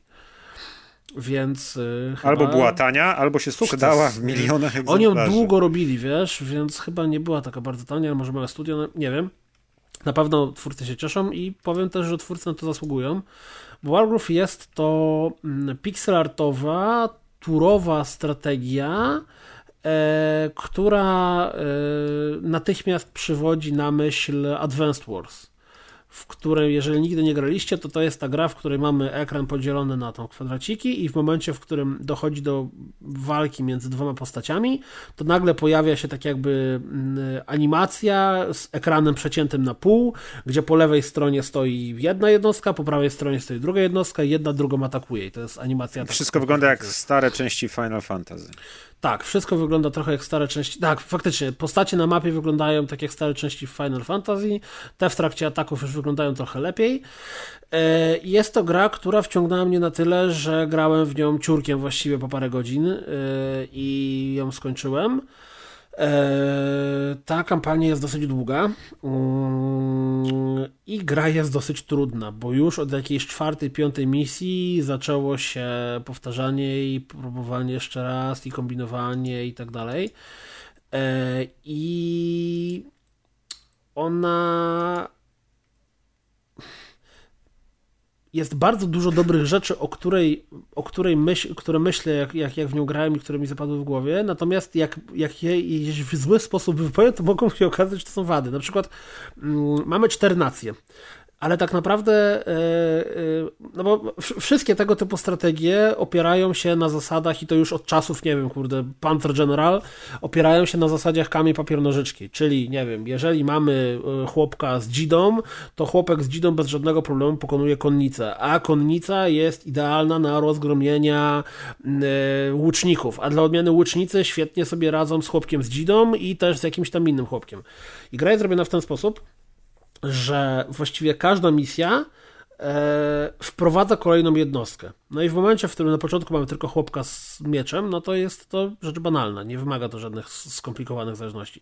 W momencie, w którym mamy chłopka z mieczem i z dzidą, no to już trochę się zaczynają kombinacje. Do tego dochodzi jeszcze to, że każda z postaci, każda z naszych jednostek w określonych warunkach jest w stanie zadawać uderzenia krytyczne. Czyli na przykład, jeżeli postawimy obok siebie dwóch panów z dzidami, to wtedy pan z dzidą atakuje krytycznie.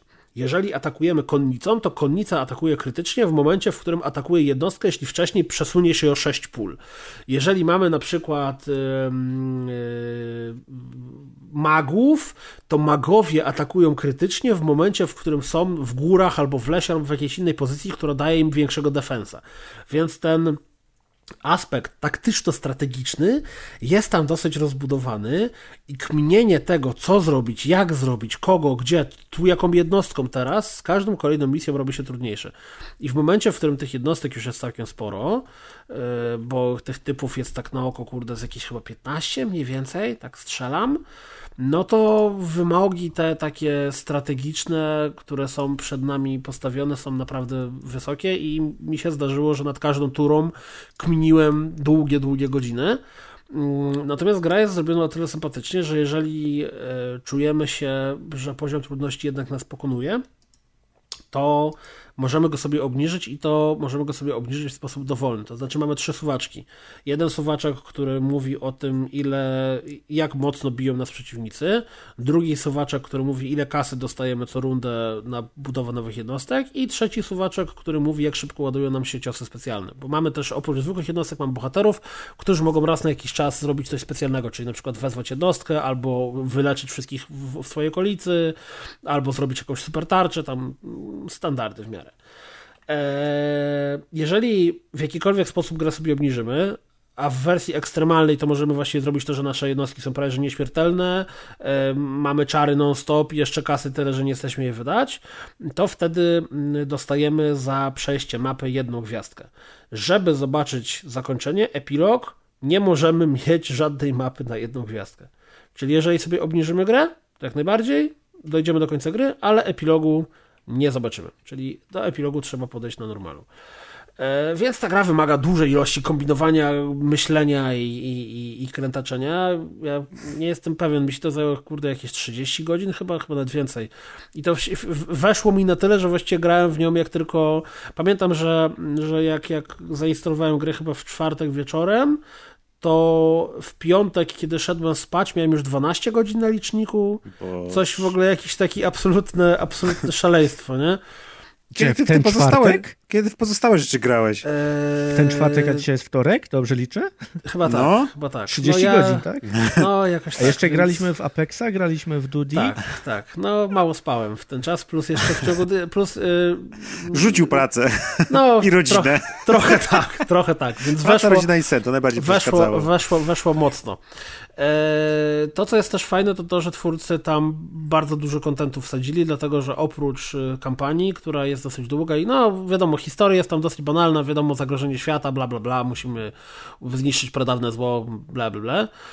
E, To, To jest, jest bardzo jeszcze... ważne, a nie ble, ble, ble. Prawda, No, zło poważna sprawa. Wiesz, no, grasz raczej dla tych wyzwań Już strategicznych, a widzę nie tego dlatego, Kuldana, żeby... który tam oni mówią, musisz zniszczyć prawdę zło, ble, ble, ble, dawaj dalej. Trochę tak, trochę tak. Ale grasz tutaj ewidentnie dla tych wyzwań strategicznych, a nie po to, żeby poznać jakąś historię, która zmieni twoje życie. To, to nie Hellblade. Mm. E, To oprócz tego jest multi i to jeszcze tego multi jest w ogóle crossplay w multi, co szaleństwo. Jeszcze oni jeszcze wprowadzili chyba możliwość Wow. multi takiego y, korespondencyjnego, że tam Jak szachach. tura po turze, nie? No tak, tak, dokładnie. Mm, Jeszcze jest edytor plansz w ogóle. Co więcej, jeżeli edytor plansz to za mało, to jest edytor kampanii. Można samemu sobie tworzyć i to w Yes. edytorze kampanii jeszcze jest edytor scenek przerywnikowych, które są, nie? Więc już w ogóle totalnie masa, masa, absolutnie masa kontentu. No i mm, wszystkie rzeczy, które mnie w tej grze irytują, czyli na przykład to, że te animacje. E, możemy mieć je włączone zawsze, możemy mieć je włączone nigdy, możemy mieć je włączone tylko kiedy atakuje nasz dowódca, albo tylko w nożej turze. No i tak. A ja bym chciał pomiędzy. Ja bym chciał, żeby one były włączone zawsze, ale żebym bardzo szybko mógł je ominąć. A tak niestety nie ma. Jeżeli chcemy ominąć animację ataku, to musimy przytrzymać myszkę przez 3 sekundy i czasami jak atakujemy krytycznie, to zanim ona się wyłączy, to tak naprawdę już ten atak się skończy, nie? E, ale czytałem dzisiaj e, listę zmian, nad którymi pracują i generalnie wszystkie te rzeczy, które w tej grze mnie irytują od strony interfejsu, czy właśnie od strony tego takiego flow rozgrywki, e, mają zamiar zmienić. Więc właściwie, mm, czy na przykład to, że jak jest tura przeciwnika, to żeby jednostki się szybciej poruszały, tak? Żeby, żeby, żebyś nie czekał, jak oni sobie powolutku, jak w Crossach, tak? Gdzie można było sobie przestawić, że, że przeciwnika postać się porusza super, super, super szybko.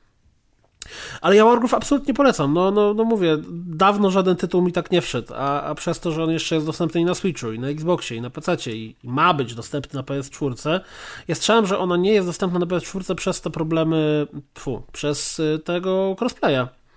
Że pewnie tam jakieś certyfikacyjne zabawy się Może już okazały. mają coś zaszyte w kodzie i im to nie No pewnie właśnie. tak, pewnie właśnie mają coś zaszyte w kodzie, a zmienić to na ostatnią chwilę, to nagle mogłoby się okazać, że wcale nie jest takie proste. E, Ten pixel art, w którym ta gra jest, jest, jest ładnusi, nie? To jest taki, taki, znaczy okej, to nie jest przepiękna gra, tak jak na przykład Unruly Heroes, czy tam... e, Tylko, że to nie pixel art. No tak, znaczy, tak. to jest taki pixel art, taki...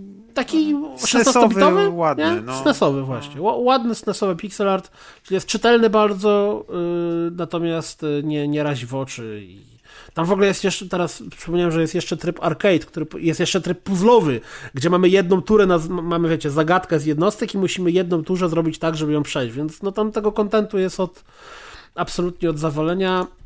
Yy, Gra zebrała mega dobre recenzje. Też nie jest jakoś droga, zaraz zobaczymy ile kosztuje, żeby nie było wątpliwości, ale pamiętam, że właśnie nie było, nie było tragedii. 20 dolców na Steamie, czyli według polskich złotych 71 złotych. No to jeżeli możecie kupić Wargroove, który da wam zabawy na 30 godzin, albo A Fisher's Tale, który da wam zabawy na półtorej godziny, no to tak jest, nie? Coś Mm. musi poczekać, coś musi Ładnie. poczekać na bandla, niestety, nie?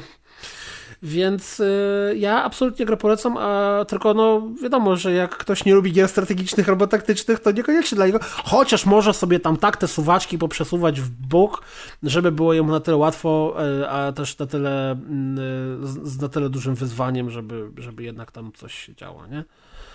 Więc Wargroove, absolutnie, pod każdym względem. Wy na pewno już się palicie, żeby w niego zagrać, nie? Bo to No. totalnie wasz styl gry. Znaczy Wiesz. ja bym może i zagrał, ale jakby to było powiedzmy na 10 godzin z fajną fabułą. Taką, wiesz, dobrą fabułą, a nie jakimś takim schematycznym czymś. Czy nie, no ta fabuła tam jest, nie? Tylko no, jest taka Ja wiem, no, ale tak jak mówisz, no, ona jest właśnie taka, taka, nie? taka, no właśnie. No, Tak, a ja bym chciał taką tylko... Y. Taka y, Jak no to może, było. no to może, No. o, dokładnie. No to mm, ja ci powiem, że fabuła taka y, to jest w Wheatcrafcie. Co możecie zaskoczyć, a możecie nie zaskoczyć. Zaskakuje mnie to. Wheatcraft jest Wheatcraft Incorporated. Jest to gra, którą robi, e, smaży aktualnie Vile Monarch Roluje. Roluje Vile Monarch, czyli polskie studio, które możecie kojarzyć chociażby z Oh Sir, Insult Simulator, czy z Crush Your Enemies, o których mówiliśmy jakiś czas temu. E, I miałem okazję być u, u, u panów i pań e, z Vile Monarch Studio i pograć trochę w betę gry. Z tego, co się dowiedziałem, to właściwie oni już ją szlifują, bo premiera jest w kwietniu. E, I właściwie na tym etapie ta beta, to ta gra już jest faktycznie tak, jak powinno być w przypadku bety, czyli to jest skończona gra, która mm, ma właśnie jakieś tam szlify z interfejsem, z jakimiś tam, że tam coś się pokazuje nie tak, jak się powinno pokazywać. No i e, tak, Wheatcraft Incorporated jest to połączenie tajkuna, w którym zajmujemy się produkcją i sprzedażą marihuany, e, troszeczkę e, jakiejś takiej narracyjnej gry, gdzie czytamy teksty i troszeczkę klikera, bo e, ewidentnie widać, że, że, że, że twórcy postanowili przekazać tą grą generalnie szereg różnych aspektów związanych z produkcją marihuany i z tym, czy ona jest legalna, czy jest nielegalna, bo też jest kwestia legalności w grze poruszona, jest kwestia tego, że możemy produkować medyczną marihuanę, możemy, że przepisy się zmieniają. E, Zarówno w tym, w tym beta buildzie, w którym ja grałem, jak i na premierę będą dostępne dwa scenariusze. Jeden scenariusz polega na tym, że chłopak kończy studia, przyjeżdża ze studiów do swojego brata, który generalnie od dawna y, miał gdzieś tam w piwnicy kilka drzewek, no i dochodzą do wniosku, że skoro on studiu, skończył studia jakieś takie y, finansowe, to w sumie mogą spróbować zająć się sprzedażą, sprzedażą zioła. No i to jest scenariusz, który przy okazji tak naprawdę jest trochę tutorialem. Po prostu gra zapoznaje nas z, z mechanikami po kolei, których jest bardzo dużo i jest to rzecz rozbudowana, zaraz powiem. A drugi scenariusz dla odmiany pokazuje nam historię faceta, który mm, chyba przez 15 lat siedział w pierdlu, właśnie za e, handel, a w międzyczasie zmieniły się przepisy i marihuana stała się już legalna, no ale ponieważ on został skazany, a prawo nie działa wstecz, no to mimo, że jest legalna, coś za co on został zamknięty jest legalne, to dalej on musiał swój wyrok odsiedzieć. No i teraz nagle spotyka się w ogóle ze światem, który jest zupełnie inny. No a ponieważ kiedyś zajmował się, się produkcją i sprzedażą mm, y, trawy, no to postanawia, że tak powiem, wrócić do, do biznesu i kolega, który wcześniej był, tu Maciek, coś dla ciebie specjalnie, O. Je- jego kolega, który wcześniej z nim, z nim produkował i handlował, teraz jest influencerem nie? I, i promuje właśnie O, budopierdla Palenie- teraz. Prosta sprawa. Jeden za dragi, drugi za influ- bycie influencerem. No.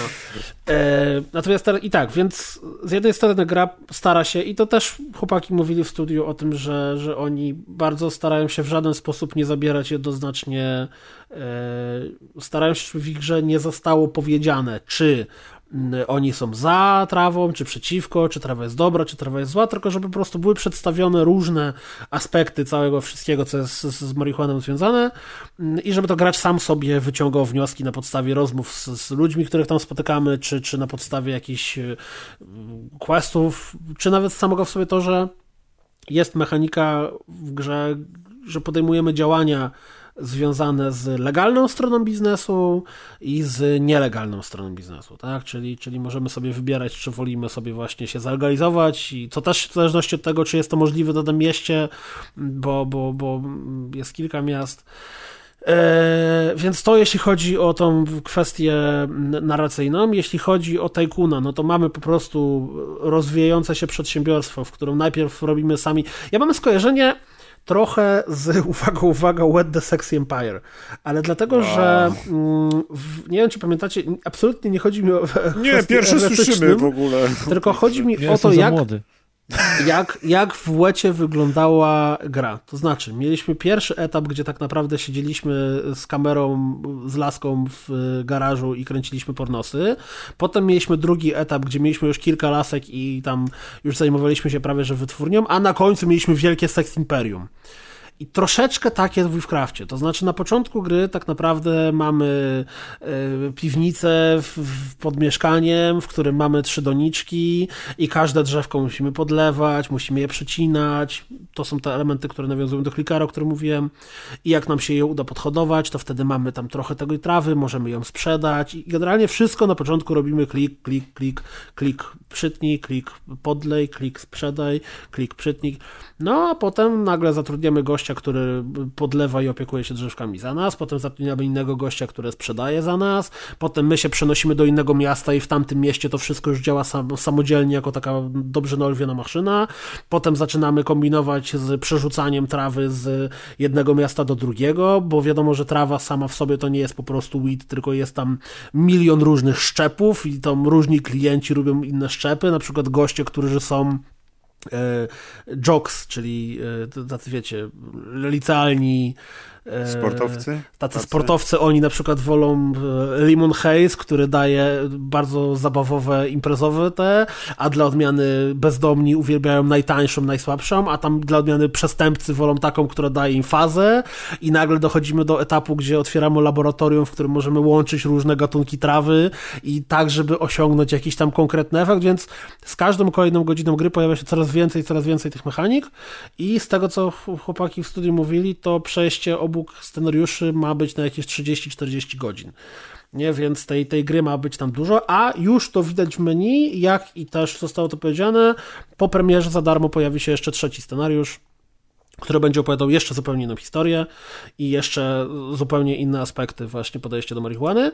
E, to, co zasługuje również na duże wspomnienie i tutaj liczę, że Adek jakoś mnie wspomoże, to znaczy do, ponieważ Vile Monarch jest polskim studiem, to zatrudnili, poprosili, zwrócili się o stworzenie muzyki przez polskich producentów rapowych i muzykę do gry tworzy SC Czyli tak? producent strany ze współpracą z Lukiem. Z Lukiem, proszę bardzo. EPROM. No, czyli Sztigar Bonko. O. BRK. Z Grubsonem, z Jareckim. I Opiat. Z Kubą Knapem. O, proszę bardzo. Więc znane bardzo wszystkim Hadek coś powiedział w jakimś obcym języku i tyle. Ale jak, jak, się gra, jak się gra, jak się klika po tych różnych tam, tam podlewaniu trawki, czy, czy przycinaniu, czy sprzedawaniu, to słychać, że ta muzyka jest robiona, ta muzyka, która tam przygrywa w tle, jest robiona przez ludzi, którzy robią muzykę i, i to czuć po prostu, a nie, że to jest jakieś tam klasyczne, ambientowe brzydanko, brzydanko w tle. Ciekawostką również jest to, że e, wydawcą jest Devolver, I to Devolver przyszedł do Monarch z pomysłem na, na, na tą grę. A, a to nie było tak, że oni super. Znaczy, tam w ogóle oni też myśleli o Tajkunie, to tam to siamto, ale generalnie jest to, jest to, to nie jest tak, że Monarch miał już super idealną grę i szukało wydawcy i, i poprosili Devolvera, tylko Devolver też chciał, chciał zrobić grę właśnie związaną z yy, ziołem i z, z Tajkuna o ziole. Więc tak y, ja czekam mocno na premierę, bo, bo, bo te kilka godzin, które spędziłem z grą, bardzo mocno mi się spodobały i, i jest to mega, ale to mega rozbudowany tytuł. Ja muszę odwołać moje słowa, bo jak pojawiły się pierwsze zapowiedzi, to spodziewałem się, że będą chcieli po prostu na nośnym temacie sobie zaistnieć, a tu się okazuje, że oprócz, oprócz nośnego tematu jest całkiem dobra gra to jest bardzo rozbudowany Tycoon, który tych mechanik mniejszych, większych i jeszcze bardziej rozbudowujących się i, i, komplikujących nam całą tą zabawę. Wiecie, to jest, to jest ten klasyczny typ gry ekonomicznej, w której masz za mało rąk i cały czas chciałbyś robić cztery rzeczy naraz, ale nie jesteś w stanie, bo te mechaniki tylko się coraz bardziej mnożą, mnożą i teraz byś chciał tu zrobić jedno, a tam drugie i trzecie i czwarte i nagle twoi pracownicy chcą więcej kasy, a ty nie, nie stać cię, a tu, bo oczywiście jest też kwestia policji i tego, że na przykład jak sobie hodujemy te, te, te nasze roślinki, to mm, dobieramy lampy, tak? Ale lampy zwiększają zużycie prądu i jak jest za dużo zużycie prądu, to wtedy rośnie nam zainteresowanie policji naszą miejscówką, więc tego jest tam absolutnie wszystkiego, wszystkiego bardzo, bardzo dużo. Więc ja na Whitcrafta e, czekam bardzo intensywnie. Premiera w kwietniu. O, to niedługo. Tak. No mówię, gra już jest skończona właściwie, nie? Hmm. Fajnie. Dobrze. Fajnie. Udało się dobrnąć. Udało się nam dobrnąć. W ogóle myślałem, że dłużej nam się zajdzie, ale widzę, że... Bardzo dobrze, dawaj, skończymy, jeszcze w 8 minut mamy, to zdążymy spiąć. I Nie, to- no jeszcze te tam, te, jak to się nazywa? Pozdrowienia, rachu ciachu i postrachu. No. Roch, ciach, czekaj, to ja tak zawsze w tym momencie sprawdzimy sobie, czy przypadkiem pan Diskus nie... To w międzyczasie pozdrawiam Gabrysię, bo mówiła, że nie pozdrowię, a chciała, żeby ktoś pozdrowił. Właśnie, i pozdrawiamy Gabrysię i osoby, z którą Gabrysia słucha podcastu. Nie wiem, czy można tak mówić To jest jakaś tajemnicza osoba? Tak. No, wszyscy Aha. są tajemniczy, wiesz jak to jest. No wiem. No to ja mogę już zacząć czytać w takim razie. Poczekaj, poczekaj, poczekaj, bo muszę sprawdzić, czy w No, dyskusji coś nie siedzi. Aha, i trzeba będzie odświeżyć. Pozdrowić Mikołaja, z którym graliśmy wczoraj w gry. I ja bym jeszcze pozdrowił Deusza.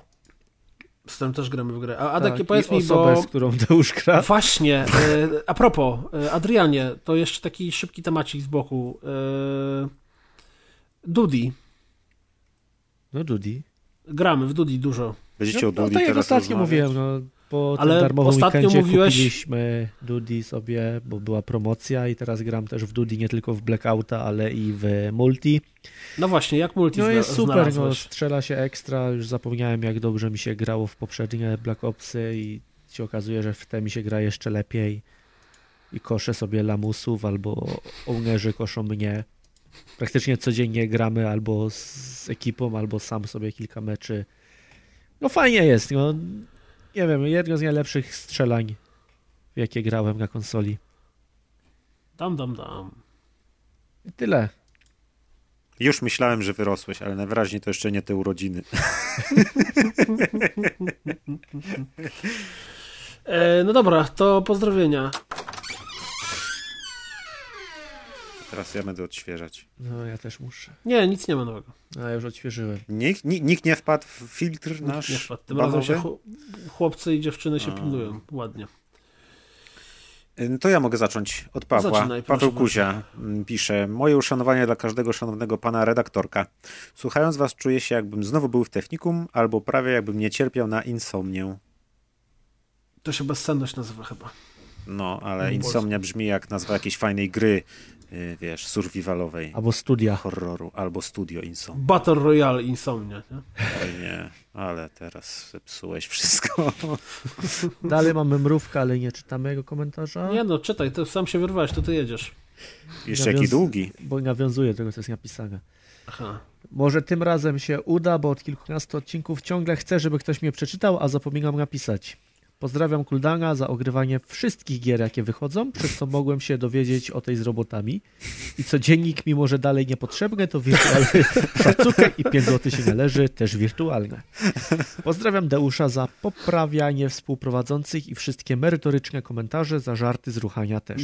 Jakbyście usłyszeli, co Deusz mówił w trakcie grania w Dudi, to jego, e, powiedziałbym, e, autorytet, Autorytet e, by upadł. dorosłego, Oj, oj, oj. dojrzałego pana Dlaczego tego nie doktora. Nagraliście? No, Nie powiem ci, możemy, że gdybyśmy pójdziemy nagrali, siedzieć. to byśmy poszli siedzieć. O, Pozdrawiam Kaza za wszystkie gry, w które nikt poza Japonią i jego pokojem nie gra. Pozdrawiam Razera za całe ogarnięcie w temacie grafiki, która w grach jest ważna. Pozdrawiam Atka za wprowadzenie polotu i finezji w tym podcaście. I na końcu pozdrawiam Preza za to, że jest. A akurat go nie ma. serduszko. Aha, sto. On już Pozdrawiam pewnie też- śpiewa. Od razu wszystkich PCMR i opóźnionych graczy. Komentarz jest długi, więc nie musicie go całego czytać na nagraniu. Mówiłem. Wystarczy, jak każdy przeczyta sobie sam po cichu. Halo, pan Diskus, poproszę o nie wrzucanie komentarza do poczekalni. Dziękuję, to ja mówiłem. To mówiłem ja, Mrówek. Łobudu, łobudu. W ogóle e, a propos opóźnionych graczy, to ja przeszedłem jedną grę do opóźnionego, ale do niej po- powiemy e, za dwa tygodnie, jak będzie też kolega No. Press. A jest bardzo opóźniona, czy tylko trochę?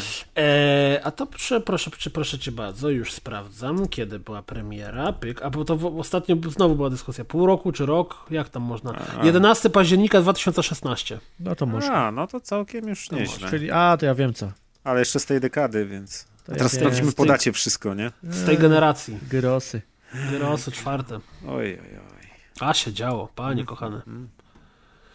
E, To teraz ja, Dżemuś. E, Pozdrawiam redaktorów nagrywających. Bardzo pyszna audycja. I mam pytanie, może głupie, może mądre, nie wiem. Skoro jakiś czas temu była gruba pogawędka z Jeremiaszem Kanem, to czy można go zaprosić na rozgrywkę party ileś tam w tym roku? Wrzeszczman ma kontakty, więc cień szansy zawsze jest. Pozdrawiam ze wsi. No, jak dobrze powiedziałeś, cień szansy zawsze jest. A kiedy rozgrywka party? 27 lipca 2019 roku w Warszawie. Jej! 100 lat. Sto lat. Nie żyje, żyje. Bogdan, dajesz. Bogdan, pozdrawiam nagrywających i całą rozgrywkową ekipę. Wszystkiego najlepszego dla Atka i pana Sto lat. Preza Pereza. Sto 100 lat. ży- E, Jako, że mieli urodziny 100 lat. 100 lat. Pozdrawiam również e, moja mordeczkę Mateusza, z którym ostatnio ogrywamy dywizję. O, szacunek. Jako, że ogrywam pozwoliło... Super gra. O, To też do PlayStation. Pozdrawiam. A. Tak, no, na PlayStation. jako, że Humble pozwoliło nabyć grę i SP za Season grosze. Aha, to Pass. Season Pass, tak jest. E, Pozdrawiam również Adasia i Kingę. Miło poznać kogoś ze swojego otoczenia, kto już wcześniej słuchał podcastów i rozumie, co to jest, a nie trzeba mu tłumaczyć. O proszę. Wow, to pozdrawiamy też Adasia i I Kingę. mam nadzieję, że słuchają rozgrywki, a jak nie, to dlaczego tego nie robią jeszcze? Powodzenia życzę Grzesiowi w poszukiwaniu nowej pracy. A to chyba nie naszemu, nasz Grzesio nie stracił chyba No, chyba, pracy. że to jest szef Grzesia. Bogdan, nie bądź taki. On Miał ma urodziny, no nie, no nie. Za miesiąc go wywalisz, teraz nie. Daj mu się pocieszyć. Dobra, wracam do mordowania krów w Diablo 2 i czekania na Metro Exodus. Boże, ile różny, jaki przekrój growy jest. O, Marcin Main 11, pozdrowienia specjalnie na życzenie jednego z prowadzących, wysyłam kilka. I tutaj jest stado gifów i śmiesznych obrazków, Nie wiem, nie, czy one są, one nie są śmieszne, ale Ale są... powiem że ja, ja jestem pod wrażeniem trochę. Ja też jestem pod wrażeniem. I ja jestem Naprawdę- pewien, że ten styl jakoś się nazywa. Tylko nie wiem jak, ale jest, jest straszny. nie wiem, czy tandeta, Urodziny czy cioci Basi. trup, Tak, trupizm jakiś, tak. Nie, ale to jest niesamowite. Niektóre z nich to jest taki miks gatunków, na przykład tam jest taki kot, y, to jest kot na poduszce, taki rysowany y, z napisem dobranoc słodkich snów, a obok są zdjęcia postaci jak z jakiejś telenoweli brazylijskiej, Ale wycięte takim miękką, ale wycięte miękką taką tą... miękkim jeszcze te pędzlem. znicze, albo lampa naftowa, znicze. ciężko powiedzieć, tu na lewo, nie? Tak, tutaj jakieś róże, księżyc, pani w sukience, tralki, dobranoc, złote, jakieś kwiaty. Tu się, dzieje się dużo. Wspaniałego weekendu życzę. I tutaj strony są, zobaczcie. Wortale. Jak wortale są podpisane? A rzeczywiście. Moje pozdrowienia na wtorek. I anime pani, której widać kawałek biustu. Nie rozumiem. Wytłumaczymy ci jak dorośniesz. Adek mi Downfalla będzie musiał pokazać. Rafał, kolega Adka. Pozdrawiam mojego super kolegę Adka, bardzo, którego bardzo lubię. Adek to już trzecie pozdrowienie, tak jak się umówiliśmy wcześniej. Po trzeciej wypuszczasz moją rodzinę niechętną i zostawiasz nas w spokoju. Dogadamy się, Rafał, bo tam zaszły pewne zmiany, także Ojej. dzwonimy się. To jest wspaniałe. siusiaczki. A poza Tak. tym ksywa Rafał kolega Atka bardzo mi się podoba. To jest super ksywa. A tak na dzielni wyobraź sobie, idziesz, jak się nazywa? Czy Rafał, kolega Atka? Już widzę ten Adek? album hip-hopowy, kolega. nie? Nowy album Rafała kolegi Atka. Zajebiście, jak się nazywa? Adek to mój kolega. Albo jak go policja zatrzymuje za przekroczenie prędkości. Rafał kolega Atka. Dobrze, kończymy. W ogóle cudowności się stały. Nie było, Kończymy. ach, bo newsów nie było, to dlatego tak ładnie wyszło. dwie godziny i kończymy super podcast. Za To długi sobie jest już idziemy w do. Apexa teraz.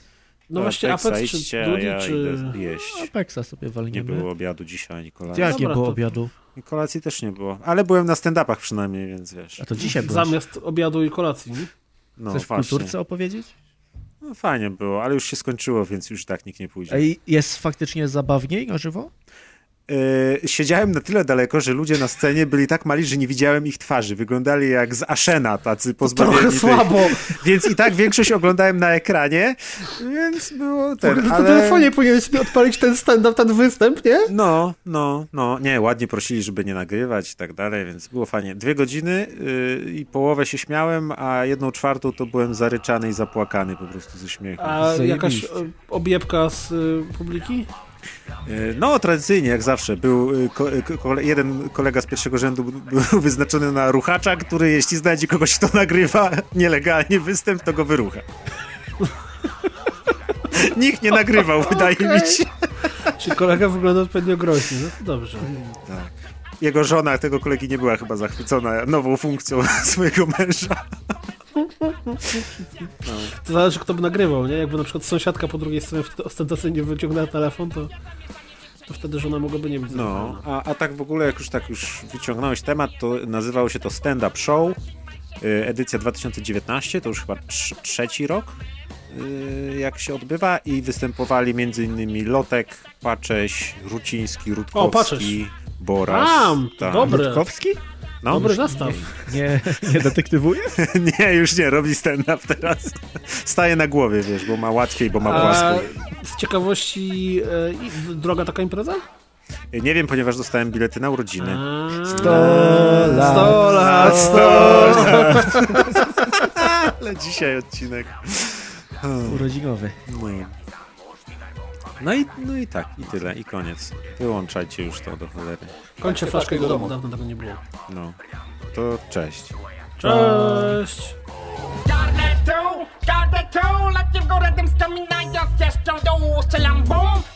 Jak na stopa, wypatrzona wersja, co niżej niż ropa Latuje głośnik, pasem jak bazookę Transą przeciwników,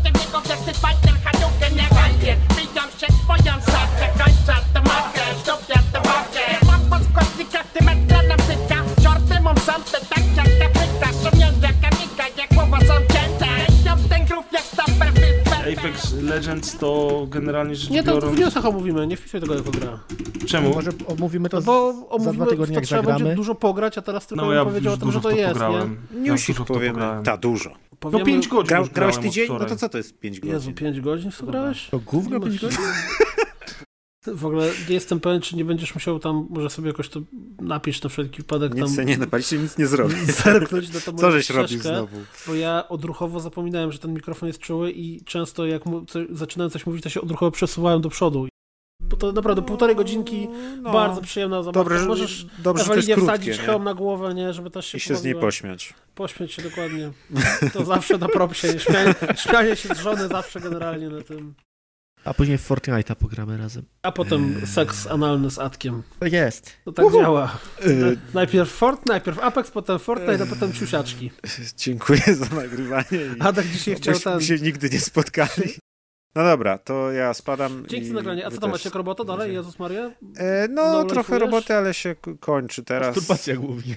Głównie tak, przeszkadzacie mi, właśnie już zacząłem i tylko te gło- wasze głosy w mojej głowie tylko mnie rozpraszają. Patronami montażu są Łódzki Dom Kultury Press lubi anime. Derp Paweł Las Jedi 84 Rumiński i Faza Mm.